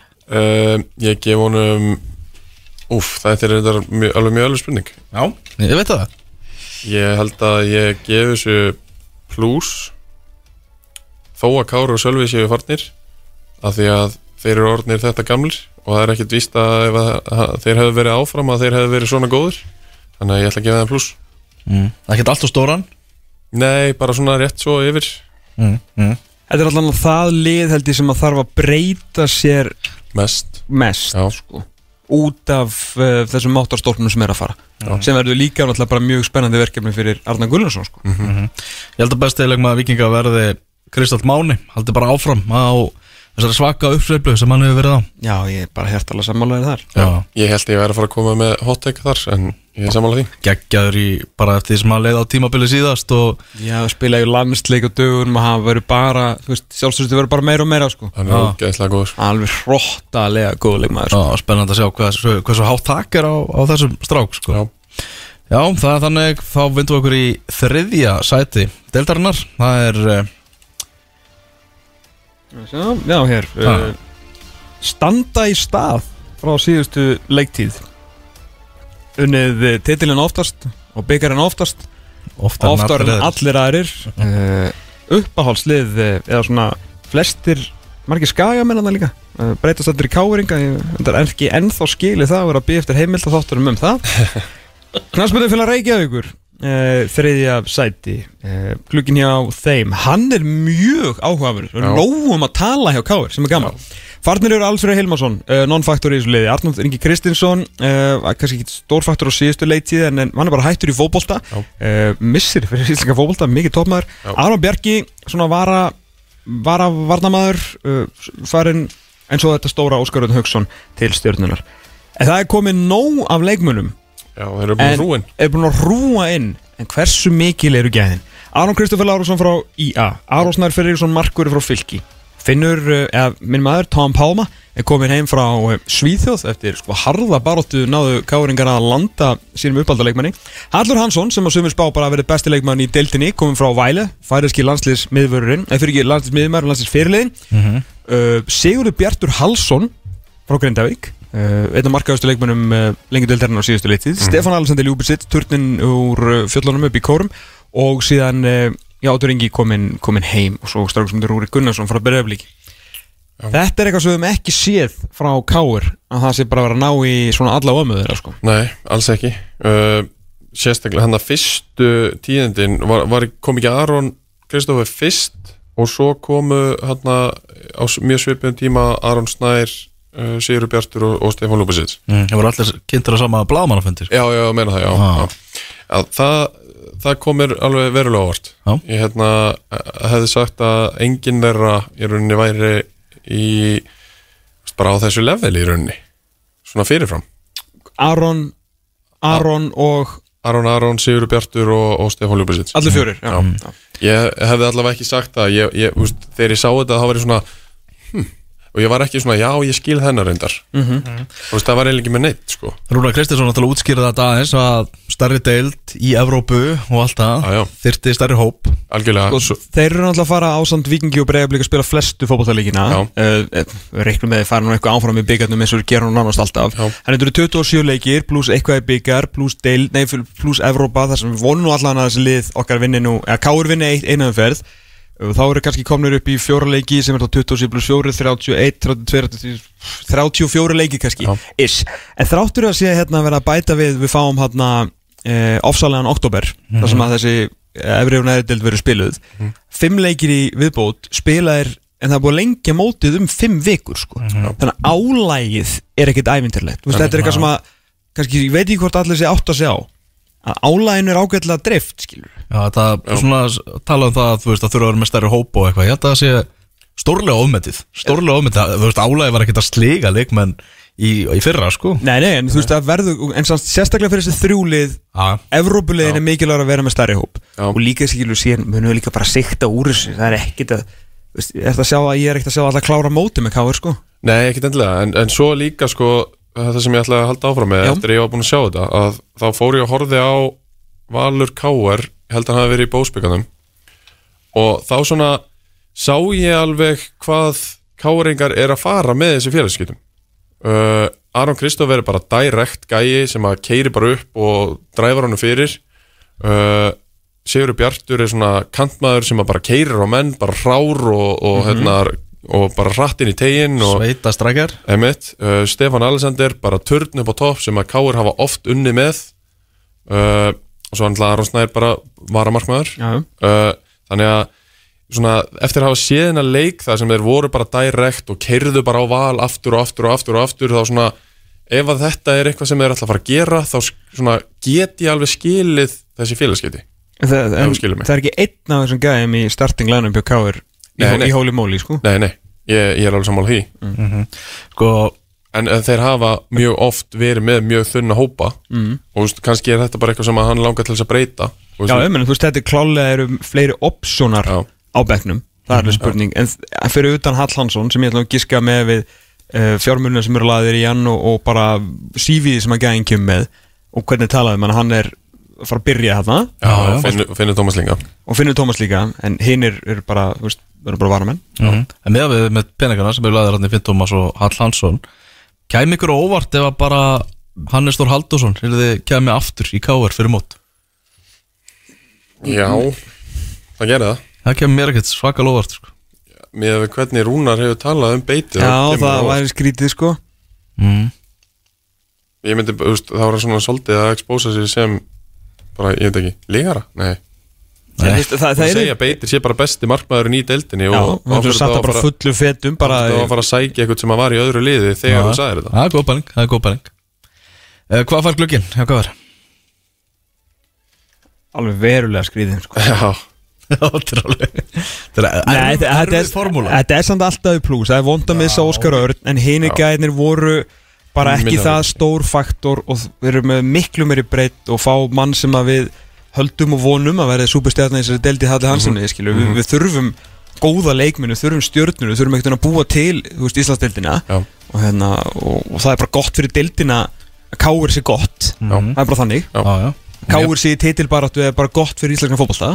Og mér finnst alveg svona þú veist, það er alveg klálega merki í vestri bæja það er verið að spýti lofana þar. Já, þú veist, þeir var líka, það var ekki eins og við værum með káir hérna, bara talandi um þá eins og einhverja wallbítar á síðustu leitið er endur samt til þriðasetti, sko. Einmitt. Rúna Kristinsson er ennþá að þjálfa þetta lið. Hann er ennþá að, eh, og svo eru komin með bólabít og skrifstofan aftur í Bjarnar Guðjón sem að barði Tom Palma heim, sko. Já. Þannig að þeir eru ekkert að fara að tapa mörgum barátum um einhverja leikmenn ef að þeir þurfa á því að halda, sko. Það er alvöru, sko, alvöru drólar þetta bakvið, sko. Já, mér finnst þetta sæn í Rúri Gunnars líka spennandi. Hann hérna, hérna svona Gunna Einars sem að flesti þekkja. Mm -hmm. og hann æfði mikið með okkur hjá, hjá Kára þegar Gunni var að þjálfa okkur. Ah. þá er hann sko örugglega 15 ára eða eitthvað. Veist, þetta er alveg nafn sem að ég vona að muni fá einhverja mínútur og, og muni sína hversu góður hann er. Því hann er búin að vera í, í landslíðum og búin að vera máttastólpi í þessu er ekki 0-5 liði blika já, þessi 0-5 16 ára gutti Já, hann er ógeðslega góður sko. En finnst ykkur K er eitthvað langt að, vel sér nokkuð auðljóst að að Valur og Breiðablík eru þarna í næstu tveimur sætum fyrir ofan sko uh, Getur K ekki alveg unnið þetta mótið? Jú, jú Bara ekki spurning Elvar? Hver getur unnið þetta mót? Já. Já. Ok. Ég ætla bara alveg stila aldrei að, að segja annað meðan Rúla Kristjánsson er að þjálfa þetta lið en að, að þeir getur bara unnið Nei, skilur það eru ennþá í liðinu Kristján Pálmur A. Pálmarsson Kristján Flóki Fimboðarsson uh, Stefán Átni Geirsson uh, Hvað er heitan og allir þarna? Kjartan Henry. Kjartan Henry og hann er líka mjög finn Theodor Elmar. Já. Ég vona flókist í upp. Hann getur miklu meira heldur en hann hefur að sína já. Ég vona Elmar standi við uh, stóru orðin úr, úr fjóru til þrýþættunum um daginn bara og Það það er bestur. í mótinu í besta liðinu. Ég held að sé Já. nokkri sem eru þar. Ég, þek, ég þekki einn Ok. Ég hérna, já ég, Þetta er alveg nóg góðum leikmörum sko. Að- Mjög góðum Ég held að bestur hins vegar í Káar verði Finnur Tómas Pálmarsson? Ég held að hann hefur verði bilaður í hjartavaldarar Já, ég, hérna, hann þarf að sína með það að hann bara nenni þessu. Áður en ég fer að spána þar því að hann er allir mér smá vamburum því að við erum miklir aðdáðundur sko. Já, miklir, en bestur ég ekki að spána ég ætla að setja það á manni sem er að lofa því sjálfur. Já Elma Bjarnarsson og trúður honum. Já, ég trú, öllu sem að Theodor Elma segir. Ég held að Kitty Jóns verði bestur. Kitty Jóns bestur. Vonda frétti fyrir nýja vara, vinstri bókurinn Já. Ára lár. Já.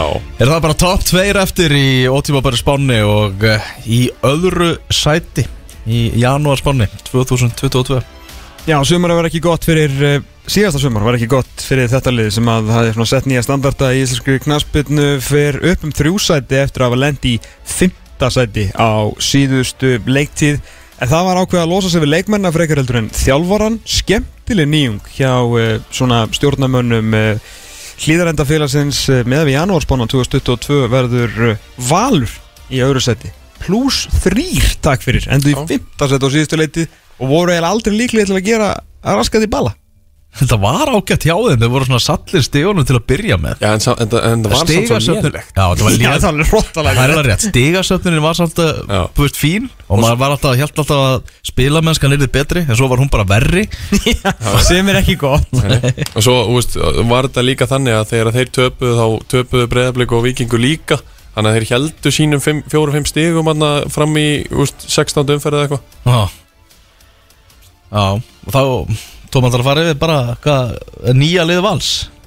Komnir farnir? Já, Ekki máli, kallum mig Hérna kemur það. Farnir Kristján Köhler og Jóhannes val til IA Hannes Þór Haldursson uh, er rekin samkvæmt uh, samfélagsmiðlum uh, valsöðuta Kristinn Freyr Sigursson eitt besti leikmaður deildarinnar farin uh, yfir í hafnafyrðin Kai Leo, Ánleiðis Hættur og Maggi Egils uh, sumulegis farin líka. Á móti eru komnir Ári Rapp Kjartansson frá uh, Fylki Gí Smith í markið frá uh, leikni. Heiðir Ægjesson frá Stjörnir sem getur spilað hæri bakverð og, og miðju. Ágúst Eðvald Linsson á láni frá uh, Horsens langum að segja í Danmarku og uh, einn er mest spennandi kaupin ef ekki mest spennandi kaupin fyrir Íslandsdeildina 2022 Aron Jóhansson frá Let's Postman eða fyrir ekki Aaron Johansson frá Mobile, Alabama. Guður sem á að vera, bara á að vera meðal bestu manna til dælunar Já Þetta er, þetta er aðtegli verðt uh, til allar lukkur með sérfræðing í uh, valsmálum. Hvað hérna hvað ætla þeirra að spila? Hvar verður Aron Jóhansson Hvar verður Ágúst Eðvall Linsson Hver leysir á Kristi Freyr Sigursson og verður ekki pallið öruglega upp á topp eða? uh, Þetta eru frábær spurningar. Takk. Sem að er ekki ennþá búið að svara út á velli einu sinni. En það var Aron Jó er náttúrulega ekkert búin að taka þátt í neinum leikjum það Nei, hann er ekki löglega fyrir en uh, 17. feb. Þannig að hérna, það er allavega ekki búið að svara mér þessu spurningum. En ég held að Ágúst Lindsson sé að koma inn á miðju Og Orri eða Tryggvi muni leysa þessa, þessa hólustöðu Tryggvi færi af vagnum og inn í hólu Ég get alveg trúið því á Það því að svo ertu með Andra Adolfs, Guðmund Andra, Sigur Egil Þú veist, út með fullt af kantmönnum. Mm, True. Uh, Patrik og eða Aron uh, verður upp á tóf ég held að það verði alltaf heimir er ekki að fara að breyta úr fjórir, tveir, þrýr, einn. Þetta meina kærnu sem hann hefur spilað Kærnu. frá því að hann uh, byrjaði að þjálfa. Já ég svona, ég gef mér það að hann haldi sig við það. Ég er svona nokkuð sammálaðir þar Já. Það var mjög skrítið að hann var alltaf inn og eitthvað að fara að umturna því. Emmett Og það var og bara að spila mútið vikingum daginn í 43 sko. Emmett um, Ég held að það, það, það mun ekki breytast En og er Aaron Johansson From Mobile, Alabama. Mhm. Að vera hann á kantinu. Nei, hann verður í nýjunni, held ég. Ég held að ég, ég, just, nú, Núna veit ég, Nei, nei, ég er ekki að segja það sem ég veit. heldur, já, já, já. Ég held að Aron Jó verður upp á topp og Patrik Pedersen verður bara á bekknum. Bang. Ég held það að Því að wow. Þú veist, þú var, var eik, á einhverju Ef þú vinnur ekki Íslandsmótið með Patrick Pedersen á bekknum Super sub þá er bara eitthvað að. Nei, ég meina, en svo hefur Patrik er- Pedersen aldrei virkað þegar hann er með samkefni Nei, nei. Aldrei. Ekki eins og það var Garðar Gunnlaugs. Nei, og sko, í fyrra var Sverri Páll Hjaltesteð backup Mm. og var farin að starta eitthvað aðeins fyrir hann. Það hjálpaði Patrik ekki neitt. Mm. Og veist, hann bara, hann gæti ekkert í fyrra þangað til að öll pressa á að farin og skoraði þrennu á móti fylki í lokaleiknum þeir eru unnu hvað 8-0 eða eitthvað. Já, aðeins til að til að gefa tölfræðinu svolítið svona ranga mynd. Einmitt. og ég á bara eftir að veist, Já. sjá gamla Patrik Pedersen aftur ef að hann er að fara að vera í byrjunliðinu með alla þessa gæja líka Ég held að hann muni alltaf með svona þjónustu alltaf fara að skora aftur, sko. Já, já, En hann alltaf er Hann hérna- þarf þá bara að vera 27 leikir Þú ert með í nýja og þú verður frammi í 90 mínútur í öllum leikjum. Já, þá, þú- þá þú getur hann ert- skorað. Þú heldur að uh, einhver nýju samkeppni með Aron Jónsson muni ekki fara vel í palla? Alls ekki. Ok, ok. Ég var alveg til að vera þjálfari sem að velja hvort að Patrik Pedersen og Aron Jóhansson myndi spila upp á toppum mér sko. Já, já. Ég var alveg til að velja það líka og geta, geta þá Það bara er sett ekki til í pressu að ræða sér við það um það en Svo er það komið nýr aðstofþjálfari Túfa. Farin og Helgi Sigmættur Einmitt. Þeir toppmenn en afskaplega ólíkir þjálfarar Algjörlega, ég hérna ég, Mér minnir að ég hafi kallað eftir þessu allavega hef ég sagt að ég veit ekki hvort það var óbyrgulega en ég held ég hafi kallað eftir því að það eru einhverjar breytingar gerðar af því mér fannst Heimir og Túfa vera of líkir svona persónulega séð, þú veist, þeir eru svona báðir frekar rólegir og, og svona frekar taktískir meira heldur en, þú veist, svona stemming og gleði og hraði og svona. Og ég held að þessi inn, svona, hérna viðbóti í Helga Sig sé frábær inn á liðurenda hann er að koma með svona aðeins meiri léttleika og, og hérna þú veist, svona kannski aðeins meiri gústa gilva típa eins og við vorum að tala um áðan. Þú veist, er að öskra menn í gangi, er að öskra tempóð áfram og, og er svona aðeins léttari sko. Ég held að það muni, muni hjálpa liðinu öllu alveg, alveg helling. Og svo líka bara innkoma þessa, þessara ungu stráka, ég meina Ágúst hérna, Eðvald og, og Orri Rappn þú veist ef þú farin, ef þú komið með þá báða inn í byrjunarlið þá ertu farin að geta pressa miklu meira miklu hraðar, miklu víðara svæði. Og þú getur virkað tryggva hrafn í, í pressu sem er leiðis sem hann hefur ekkert verið allt og duglegu við en, en er samt góður í að ef þú vunar að virkja hann líka í pressuna þá ertu bara að koma með deadly force hana fram á því sko. Heimi Guðvarsson bara þessi svakalegi þjálfari svaka sigursali þjálfari hann hefur aldrei lent í svona tímabilið þar sem að hafa jafnmargar einhvern veginn. Efasemdar rættir verið um hann eins og í fyrra? Nei, al alls ekki, ég held að hún bara veist, hann með alltaf segja að hún var alveg sama og svo segir hann eftir eitt og halvt ár honum hafi raun og verið ekkert verið sama sko. það er bara fínt fyrir vala að hann líka kannski svona finna einhvern ennþá meiri næsta sko, ég er náttúrulega frábær þjálfur eins og allir vita, en mm. svo sko, því tók eftir því að Hauku Páll startaði þarna vikingsleikinu um daginn sko, maður einhvern veginn svona maður held að hans, ég held að hann myndi bara fara í sum, veist, fyrir næst þetta tímbil, myndi bara taka einhvern fara bara heim í þróttu og reyna að, ég veit ekki, ég bara, þú veist, hann var svo slakur á síðustu leiti, sko, og bara skrokkurinn átti ekki meira til, en spurning hvort að hann er eitthvað svona, eitthvað uh, comeback season, maður veit það ekki, en miðjan hjá þeim, þú veist, hvað er haugur ennþá bara 6 nummer 1, Hellund er miðvörur, enn sem komið er ekki Jú, Hellund og Rasmus eru miðverir í dag. Já, það lítur út fyrir það já og, og Orri fyrir, fyrir aftan á eða vinstri, bakurur. Fyrir aftan? Eða þú veist, í rauðinni Já, já, já, já, já, já, algjörlega. Og hann hefur náttúrulega verið að leysa aðeins í, í vinstri bakgrunum sko.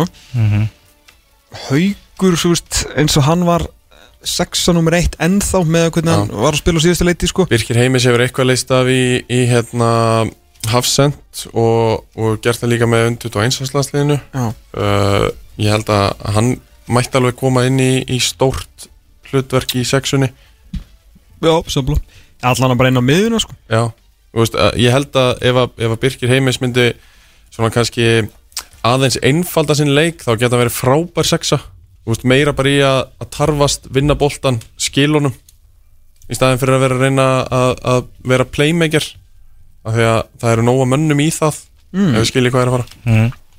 En valur að fara að fá eitthvað aðeins meira? Er það ekki að fara að sækja vinstri bakvörð og eitthvað? Mér finnst það líklegt, jú. Ah. Hérna, jú. Bötti náttúrulega hefði með þeim um daginn. Ég held að það nú bara verið samband hans og, og heimis sem að gera það að verkum sko. Þeir eru vantanlega setja bara skilur útborgun í eigna á, á Holmar, ég menna, það er ekki valur in the running þar? Allir Jó, þeir gera það, Já. pottitt Pottet, sko. Herri, svo er þetta skemmtilegt að hérna, sko, það er ekki eðlega mikið mannaúrvalðna sko. Mhm. Me, jafnvel meira heldur en nokkur sem fyrir þetta er algjör, bara maður svona horfir á, á byrjunlegi frá síðasta leikum og svona, ok. Svo veist, Birgir Heimis uh, og Arnór Smára náttúrulega sem við erum ekki eins og búin að minnast á. Svo allir þessi leikmenn sem, þú veist, Aron á eftir að detti í þetta, veit ég hvað og hvað. Svo náttúrulega eiga líka unga stakka, þú veist allir á, allir á hlýður enda að býja því að Siggi Dags fá okkur alvöru tækifæri sko, en ég held að þetta verður nú heldur ekki tímbilið sem að hann kannski fær eitthvað svona lánsínsón eða eitthvað sko, og allt í góðu. Herru, svo var gæja á bekknum út í vingi sem að heitir Romeo Já. Ég er mjög gamla því. Ah, Nýtt nafn í mixið sko. Já, já, Herru, það eru tveir til, það er eitt Sebastian Romeo í Breiðabliki og eitt Gabriel Romeo í Val. Mm -hmm. Það Já, þeir eru alltaf að hafa verið að æfa með, með eitthvað, ungustrákanir og, og Siggi Dags er alltaf búin að taka vetur með þeim en ég fyrir stórlega sko en, en, Já, ég efast stórlega um það að hann verði hérna partur af þessu. En ef að eh, Heimir Guðjónsson finnur liðið sitt mjög snemma að þá uh, gæti þetta orðið ansi gott ár sko. Mhm. En ég held að það verði bara erfiðast fyrir hann sko. Já, Hvernig er glugginn? Þetta er pluskluggi Plus gluggi. Já, mm, ég held að það sé alveg klárt mál. Mm. Er hann að, hver verður bestur? Hver verður bestur í val? Úr vöndu er að velja sko. Já, Langar að koma því að framfærast að Aron Jóhansson er hérna, hefur spilað meðaltali klukkutími leik á sinni ferli. Mhm. Bara meðslega mikil og svona sko. Já, hann getur samt alveg verið bestur. Já, hann getur það. Ég ætla að spáði að hann verður bestur. Aron Jó. Já, Ég er að býja eftir tóm ég ætla bara að segja hérna Þetta er ógæslega erfitt. Ég ætla að setja á tryggva. Já, ég er náttúrulega er mesti tryggvarápsmaður á landinu Þannig að Ekki meir en hann að Hvað, hvað heitir hann að vera hans maður á .net sem alltaf senda maður eitthvað maður segir eitthvað Batti Borgas. Já, jésu Kristus Já, já, við erum, við erum Þú ert í svipaðir. öðru seti þetta Ja, við, erum, við erum saman þar Við erum saman þar. hérna, Formár ég- og Gelkeri. Já, ég held að Tryggvi verði, verði bara bestur á þessu Íslamandi Já Heyrðu, það er bara eftir Hann var það næstuð í ía sko Þannig að hann var að geta Einmitt. og var meittur í fyrra og Einmitt. kom svo inn í, í hrikalega kapla hjá liðinu en, en, en hérna, skoraði þrjú að laða upp fjögur um daginn sko. Mitt Nei, ég, já, ég held að, já, hann geta alveg, voruð alveg frábær. Mm. Klóki hlustendur, þau eru búin að gera sér grein fyrir því að eh, í efsta sæti í ótímaböru spáni er Liðið sem lendi í öðru sæti á uh, síðustu leiktíð. Uh, Sumir hverjir í Kópói uh, Hátt sæti með þess að hann vilja menna að Breiðarblik hafi verið besta lið á síðustu leiktíð. Glemdu samt að vinna bara nokkuð titil En uh, spiluðu vissulega ljómandi skemmtilegan uh, fótbolta. Sprungu á liminu átnum restina Einn andadráttur til eða frá Átnumskauð Divir og Víkingarnir unnu þetta En það er svo sem engum blöðum með það að fletta. Fallegasti fótboltin var í Kópóinum 52 mörg skoruð, 21 mark fengið á sig en það dugði einrikist til Silvus Þannig að hungrið meira Þorstinn og löngunin í titlinn allavega hjá þjálfaranum. Þeir hafa æft eins og uh, hermenn núna bara nánast uh, frá því að mótunu var slaufað verið vægast að samfærandi í undirbúningsmótunum tók uh, end of season tournamentið í úslitur gegn Viking eitthvað, þú veist, 5-1 eða eitthvað og skora svona 3-6 mörg að meðal þeirri leik. Og ekki gleyma því að þeir eru búinir að sína að þeir eru bestur á landinu. Þeir, gerðu það í þessum vikingsleika ekki? Já, mútið í bósbökkandum Já. Það var alls ekkert vandrarlegt hjá fjölmjöladeld Breiðabliks en þeir eru búinir að sína það. Það er búinir að sína það. Herru, komni farnir, farnir Átni Viljánsson eh, missir þar. Davíð Nallarsson, enginn missir þar. Tómas Mikkelsen, enginn missir þar í raun og veru þar sem hann var hvort sem er dottin út úr þessu hjá þeim eh, Skrítið að segja þetta því hann er frábæð frammeri en, en hann var bara ekki ekki tú uh, Óskarslæking þetta bara fittaði ekki í, í mótilið komnir uh, eftir náttúrulega búin að fá slattastrákum úr láni en Pétur Theodor kominn og farinn því miður því að hann sleið crossband greitur einhverjinn. Já, komið nú off. Komin off skulum við segja, hann var ekki með í sumar alltaf. Dagur Dan Þórhalsson um, komin til Breiðaflis sem er gott, því að Óskar náttúrulega eini maður sem kann á notan uh, Juan Camillo Pérez uh, frá Venezuela. Uh, vel skátaður, uh, segja menn. Og við veit að tankurinn úr Mosfellsbænum. Maður kemur samt frá skaganum í gegnum Norvits Já. Ísaks Nær Þorvaldsson Já, og svo ykkur er fimm gæjar sem að koma úr láni Já. og fara líklega aftur á lán Ben og hérna Warren og, og Stefán Ingi og svona strákar sem að Já, Ben, ég heldur ekki kallað Ben og Jú. uh, Jú, hann held að hann, hann getur mögulega, ég held að Óskar er svolítið hrifin á honum sko. Já, Og svo við Antólói Lúðvíksson sem var í afturlýtingu, það er einn hæfileikar ykkur drengur en hvort að hann eigi ploss í þessu blikalegi veit ég ekki alveg. Svo er alltaf að býða til því að komi strækjar að hver verður strækjarinn sem kemur í breyðarblik hann er ekki komin en satt sem aður í efsta seti í ótíma bara spanni Er þessi Venezuela gæja ekki strækir það? Kantmaður já, þá vant hann nefnilega strækir sko. Já, Þannig að uh, hann geti Stendós hefur verið á eldi núna á erum við ekki bara við ekki allir að með bara það uh, með að þeir hafa ekki tapað mörgum fótballtaleikjum bara síðustu tvö árin sko. Og uh, þetta var svona þurfti ímislegt að gerast og, og hérna Sölvi og Kári svolítið að hjálpa vingurum að fara hérna alla leið. Og eins og segja bara þetta runnu hann á raskatið í, hafnafyrinum og var til þess að þeir náttúrulega kláru ekki titilin svona á, eh, á endanum en 50, já, skoruð mest fengu uh, þriðji fast ásegjaldi á, á síðustu leiti og halda áform að vera samfærandi Já. og uh, já, framherja lausir eða ekki þessu staðinu ekkert núna, þeim gengur alltaf nágætlega að skora mörg já, já. Ég, ég, ég er mjög hrifin að þið séu í fyrst sæti í sér spá og ég vona að verði bara í fyrst sæti í öllum spám hjá öllum alltaf af því að þá venna þær aldrei titilin og ég, ég hef gaman að því um, Það var ekki gott fyrir á síðustu leiti að þú veist, þeir hérna alveg voru fannir að elska blíka vinna aldrei neitt eitthvað þannig svo voru bara að fara að vinna þetta mót og svo náttúrulega sprungur eins og alltaf sko, inga til nema þegar við vorum Fimbo á svona liðinu sem var svo sem bara svona smá og náttúrulega stórkostlegt lið hérna 2010 Já. sko. En hérna Ég held að þú eru ekki að vera nokkrar á ykkur ha- þeir verða efstir í öllu spá alltaf, er geðveikt. allstaðar þá, þá getum við farið að skoða hver er vinna Já, já, ég veit maður svo sem bara veit ekki eiginlega, sko það er náttúrulega stórt fyrir að fá, ekki, jú, stórt og gott fyrir að fá Ísaks Næ Þorvaldsson. Því að þá vantar einhvern móðurfokkar hérna í liði, sko, þeir eru rosalega næs, margir hverjir sem eru, það er, þú veist, hendar blikunum alveg að vera næs því að þeir þurfa voða lítið að tækla, skilur þeir eru bara mest megnis með boltan og svo bara pressaðar hann tilbaka ef hitlið dirfist til þess að koma við knöttin, sko. En þá einmitt vantar einhvern svona þú veist, sem að bara röltir aðeins um völlin og ef að, árun eitthvað smá pyrraður þá kemur bara guðspjáltækling og svona veist, Ólfur Sigurjónsson er, hann er svona hann er með svona hugguleg sexa sko. Já. hann er fagur á velli og hann fer vel með boltan og svona, en þetta er gaurið sem það vanta að vanta þitt sólsér þarna sko. Allar að setja hann í sexuna Ísak, Já, það hlýtu ekki að vera. Það hann spilaði sem besta fótbalta með ía í áttunni sko.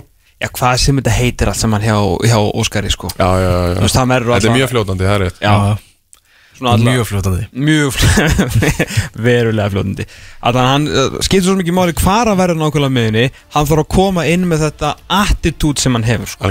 Og tæklingarnar og svona bólamönum út og vera svolítið leðilu sko. Og Fyrir ég- að vera bara góður sko. Ég er svolítið sammála honum sjálfum. Hann var alltaf í vitali hjá, hjá Stengi hérna, um daginn. Og var að segja sjálfur að hann hafi verið aðeins og þungur náða að taka nokkur kíló af sér og liði betur, leit betur út. Ég er sammála því. Og úst, hann áöruglega alveg svona 3-4 kíló inni og hann var alveg að segja það sjálfur -hmm. og ef hann nær því og, og kemur í, í þannig standi inn í þetta mót sem ég held að sé planið hjá honum og Óskari mm, hann sagði bara að Óskar var alltaf að breyta honum í Hermann Já, að þá hérna þá getur hann gert bara alla hluti sko. Hann er ógeðslega góður -hmm. og hann er svo mikið unit og kemst ekkert nálægt þessum gæja ef hann er með boltan og úst, þú fer ekkit bara á bókamessu núna í Nei, og nei. kaupir hann á skrokk sko. nei, nei, en, úst, þetta er ekkit eðlileg stikki en eru við með hann bara strax inn í byrjunli já. Og hver, hver, hver, hver tökum við út úst, allar, við erum breyðablika vantilega að koma með lið það sem að strákar sem að hafa spila fullt fullt að leikjum eru bara dottnir út á hóp. Svakalig samkeppni. Það er líka svakalega velmannalið dagur dan kemur hann inn í liðið? Já, þú veist að hann alltaf bara spila miðunni Já, hann spila bara miðinu og Ísak líka. Já, Þannig að Viktor Karl eh, verður hvar Gísli Eyjóls er þá vantilega komin á bekkin Nei, Gísli Egil's verður ekki bara aðeins fram Sko, Alessandri Helgi er vantilega dætt Já. myndi ég halda sko. Eh, Ísaks Nær startar fyrsta leik Ok. Það er alveg klart Ok. mál sko. Hverju verður síðan bara með honum Það kemur síðan bara í ljós sko. Hvort að Gísli verður með honum og, og, hérna, og Viktor Karl um að Viktor Karl verður eitthvað út í herra megin allan Já. að að nóg manual en, en Ísak, þú veist, Alessandri Helgi fyrr og bekkin fyrir hann bara um leið sko. Ok Glöggin Við, þú veist, Átni Viljánsson Risastur missir. Já, Já, meðan það hafa ekkert leist þannig en, en af því sögðu að þeim hefur ekkert gengið neitt illa að skora mörg án hann sko. En Já. Þannig að hann væri missir í, í meiri missir í öðrum fótballtaliðum myndi ég segja Ég sko meina liðið sem er að vinna ennsku úrvalstildina er ekkert með strekkar sko. Nei, en hefur samt að kaupa sér eitt núna svona til þess að uh, tryggja að þið skora aðeins meira? Hvern? Ha, Hvern? Hann hérna frá Riverplate strákin, Julio Alvarez. Já, hann er með það Hann er að mæta. Já. Ég ætla sko Nei, ok, þú veist, það er, þú veist, Átni og Tómas Mikkel, sko, nú var ég fínt að vera með Tómas Mikkel sem svona allavega til að retta sér, sko, eitthvað framan á móti, þannig að við verðum eiginlega að segja svona, segja svona 50-50 eitthvað. Þannig að ég hef ekki séð uh, Venezuela strákin og uh, Pétur Theodor meittist, Mhm. Þannig að þeir eru náttúrulega, sko, þeir eru með enga átinn átt nýju.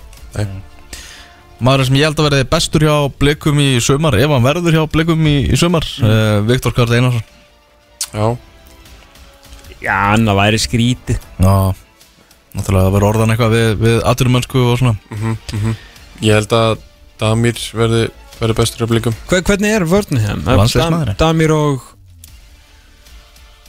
Davíð Ingvas og svo Viktor Örn eða Já, ekki? Það er bara svona svipaði fyrir Já, Já, Hvernig er staðan á Elvari? á hauskuldur hæri Elva Freyri á getur Já. komið inn. Getið þið bætt við það? Já, þeir geta alveg gert það sko. Það myndi ekkit, það myndi ekkit laska á allavega. Nákvæmlega. Er hún er tilbúin, ótíma bara spáin. Janúar spáin 2022 Fram og í að falla, leiknir 10 Keflaðik 9, IPF 8 7 Káa Þannig að það er hérna neðri hlutinn í Íslandsdeildinni. Svo er það Stjarnar 6 F5 Víkingur 4 Káar 3, Valur 2 Og á toppnum er Breiðablик Hvorki meðinni minna. Þannig var ótíma, spá, ótíma bara spáin eftir svona cirka mánu þá rínum við aftur í kristalkúluna og sjáum hvað við verið að gerast þetta á undirbúinistímabilinu og allt það. Þeirra voru stórar fréttir í gær strákar, Ragnar Sigursson, Raggi Sig er hættur. Já. Eh, á sama ári og Kári Átnarsson leggur skóna á hilluna þannig að besta miðvarðapar Íslands sögunar leggur bara skóna á hilluna á, á sama tíma, á sama ári. Þannig að eh, náttúrulega vita allir Íslandingar hvað Raggi hefur gert fyrir land og þjóð í, í með, með landsliðinu og hefur bara verið í einn af mínum uppáðs leikmönnum bara í gegnum allt þetta, þetta ferli. Bara, já því líka gæi sko Já, bara, uh, múst, sérstaklega inn á velli menna, uh, múst, þetta er svona þetta er alltaf öðru sér karakter heldur en margir aðrir og, og svona kannski öðru sér karakter heldur en maður og margir myndu halda að fótboltamaður sé. Af því að, múst, eins og hann hefur oft talað um horfur ekkert á fólta og þekkir ekkert neina kalla og svo mætir hann bara inn á völlin og, og er bara þessi strísmaður sem hann er, skilur og er bara, var og er bara frábær og það hefur verið uh, sett hann í eitthvað svona besti varnamaður Íslands frá upphafi landslýsins allavega og, og ég held að hann er á topp þreymur hjá mér allavega. Mm -hmm. því ég er náttúrulega líka þetta ungur og, og það sem ég hef búin að sjá á landslýðinu þar er hann og, og Kári mest megnin saman sko. Sko ef við skoðum bara EM 2016 byrjunarliðið sem er náttúrulega bara hápunkturinn í íslenskri fótboltasögu það er þátt okkur á, á Evropamótinu og þar var alltaf sama byrjunarlið við lítum að svona bara hvar eru þeir í dag. Uh, Hannes í markinu mögulega hættur líkur undir feldi. Já. kannski meiri líkur en minni að hann sé bara hreinlega hættur þráttur að hann vil ekki gefa það út allavega enn sem komið er. Uh, Hæri bakkurður, þar er Birkjum og Sæfason, Vindurinn sem er náttúrulega bara lítur alveg eins út og hann gerði þegar hann Já, já. spilaði hann á 2016 og líka 2008 Já, akkurat. Leikmaður Valsmanna uh, Ari Freyr Skúlason í, er, í, í Norrköping þannig að bakverðinir eru ennþá hérna á, á, í kýrnum. Miðverðinir hættir, Raki Sig og, og Kári. Jói Berg er enn, ennþá einu Íslandingur sem er að, að gera eitthvað í, í Premier League í ennsku úrvarsleitinni mm -hmm. uh, reyndar út þetta ansi, ansi dogt hjá hans mönnum í, í börnli núna. Hann er byrjað að ræfa já, það er alltaf þannig. Birgir Bjarnason enn í góðum gýr í Adana Demirspor. Þannig að við vitum ekkert hvað hann er að gera þar en hann er allavega, hann er allavega þar og náttúrulega komið fyrirlega bandið hjá Íslenska landsliðinu núna mm -hmm. Miðjumennir er uh, Aron Einar og, og Gilvið Þór Sigursson eru hérna undir rannsókn, Aron Einar að spila í Katar og ekkert er vitað um Gilva nema hann er hérna í ferðarbanni frá Englandi allavega til 17. apríl. Þetta er bara byðin endalösa Við vitum alltaf að hann er í London, það er alltaf að tala um það. Já, búsettur í, í London og, og hefur ekkert tjáð sig um, um þetta allt saman. Spurning hvort hann verði ákjörður eða látin laus hérna 17. apríl. Það verður bara tímin að leiði ljós. Uh, Kolbett Sigþórsson, hann er án félags. Óvisa, óvisa þar uh, getur við sér Kolbett í Íslandsdildinni?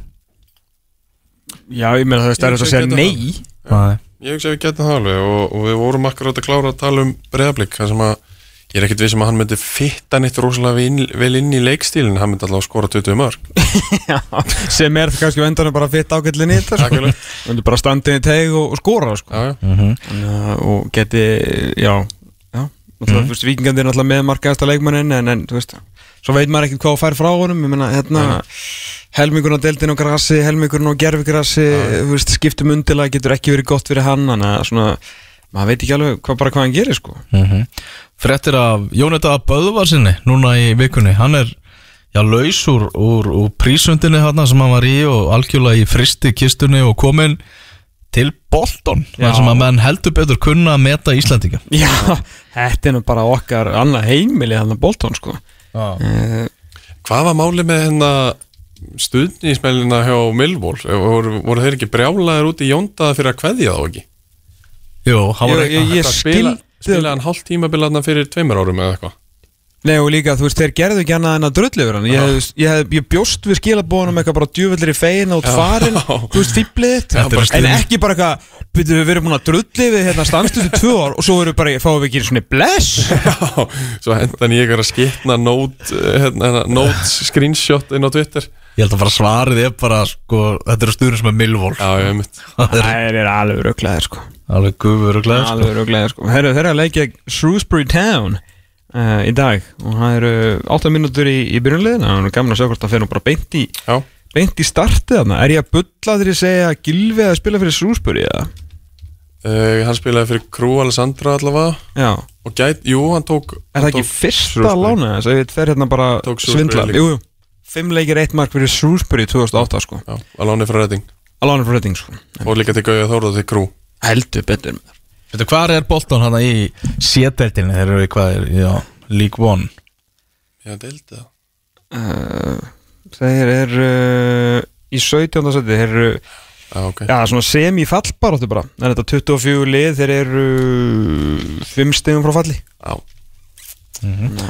En já, bara frábært að fá að Jónda þessi aftur að fara að fara í lið, lið þar sem að fara að spila. Já. Það náttúrulega var mjög einlagur og flottur þarna þegar hann fekk þetta janúarverkefnin og skora með landsliðinu núna í janúar og talaði um það hvað- bara gefið sér rosalega mikið sálrænt að komast allt einu bara út á fótboltavöllin og, Og skora. og skora og, og allt það.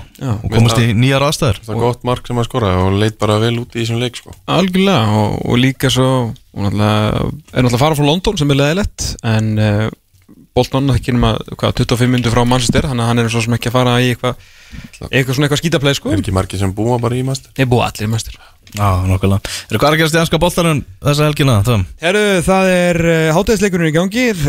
Eitt verst rekna félag uh, heims, Everton, gegn einu best rekna félag heims, uh, Aston Villa. Staðan er 1-0 fyrir Aston Villa. Og það var Emmanuel Buendia sem að skoraði markið á í uppbótu tíma eftir stóðsendingu frá Luka Degne Já, já. sem hafði Rafa Benítez seldi hann til Aston Villa rétt árun hann uh, var reikin en síðan er uh, risa leikur núna klukkan þrjú. Já, Champions League baróta par excellence Manchester United West Ham Það ég held að vera geggjaður leikur. Já, ég held að vera frábæð leikur nefnilega og ég er stökkvað hérna eftir uh, nokkra myndir að fara að lýsa honum. Leeds Newcastle á annar sportrós og brent Wolves, Brentford Wolves og í síðdeginu Southampton Manchester City og síðan að morgun Arsenal Burnley, Crystal Palace Liverpool og stórleikurinn uh, uppbyttum frá klukkan fjögur uh, Hatramur erkifendaslægur og risa leikur Chelsea Tottenham. Já, mm það er Fínum fyrir enska, árunum við förum í tveggja vegna frí Herru, já, áttu Ég man þetta að- skrítið landsleikja hlið hérna næstu helgi með þér Landslíkjari Já, Aha. er þetta ekki landslíka klukki núna? Er þetta ekki bara frí sem að Þetta var er búið að bygg, ákveða? byggarhlið og vetrafrí Já, Já, ok, ég held að sé eitthvað landsleikar í Suður Ameríku Já, þeir alltaf nýta þetta í, í þá sko. En þetta er raun og veru bara setna byggarfríð Já, Það er alltaf þannig að gerð- vera byggarleikjur um næstu helgi. Já. ok. Ég ætla að segja hérna Emanuel Dennis uh, rústaði mörgum fantasy draumum í gær. Nú?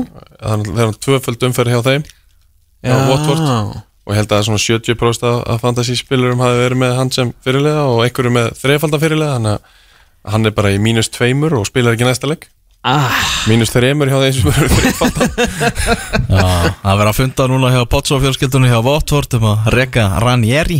Aldrei að ráða besta vinnin í neitt. Nei, það endar aldrei vel Herra, við ætlum bara, bara að segja þetta gott þennan lögadaginn mm, Ég held að við, við fórum hérna yfir ótíðum bara spána Janúar spána 2022 styttist bara óðfluga í Íslandsdeildina sem að hefst bara hérna annan í páskum við getum ekki beðið og svo fórum við aðeins yfir Landslið Svermar, takk hjálpa fyrir komuna. Já, takk hérlega Gaman að fyrir fá þig. Já, Eh, Mjög gaman að vera. Svo bara svona til þess að upplýsa það og þá átti innkastgrúpan að vera hérna en það er náttúrulega ekki fyrir þessi lita líf hægt að treysta á Gunnar Byrgis nýja Ingo Sig en það er alltaf að treysta á Sverri. Já, nákvæmlega. Veiran aðeins að að, að, að, að, að kreita þetta. Já, ég, ég er með sex mánuða frípassa Þannig að ég hérna Ertu búin að fá? Já, já, já, ég Eins og Elvar. Já, já. Kollegi. Ég kom heim með kvef, kvefpest frá Spáni eh, Eftir jólin. Já Það eru myndi engin komið frá útlundum nefn að fá COVID. Já. Maðurinn sem verður með mér eftir viku Þú verður lóþalega ekki í næsta lögadag Nei, Hann eh, er einmitt í einangrun núna. Með COVID. Með COVID, það er Bildit Bóas Hinriksson. Við sendum Já. bestu kveðu til hans.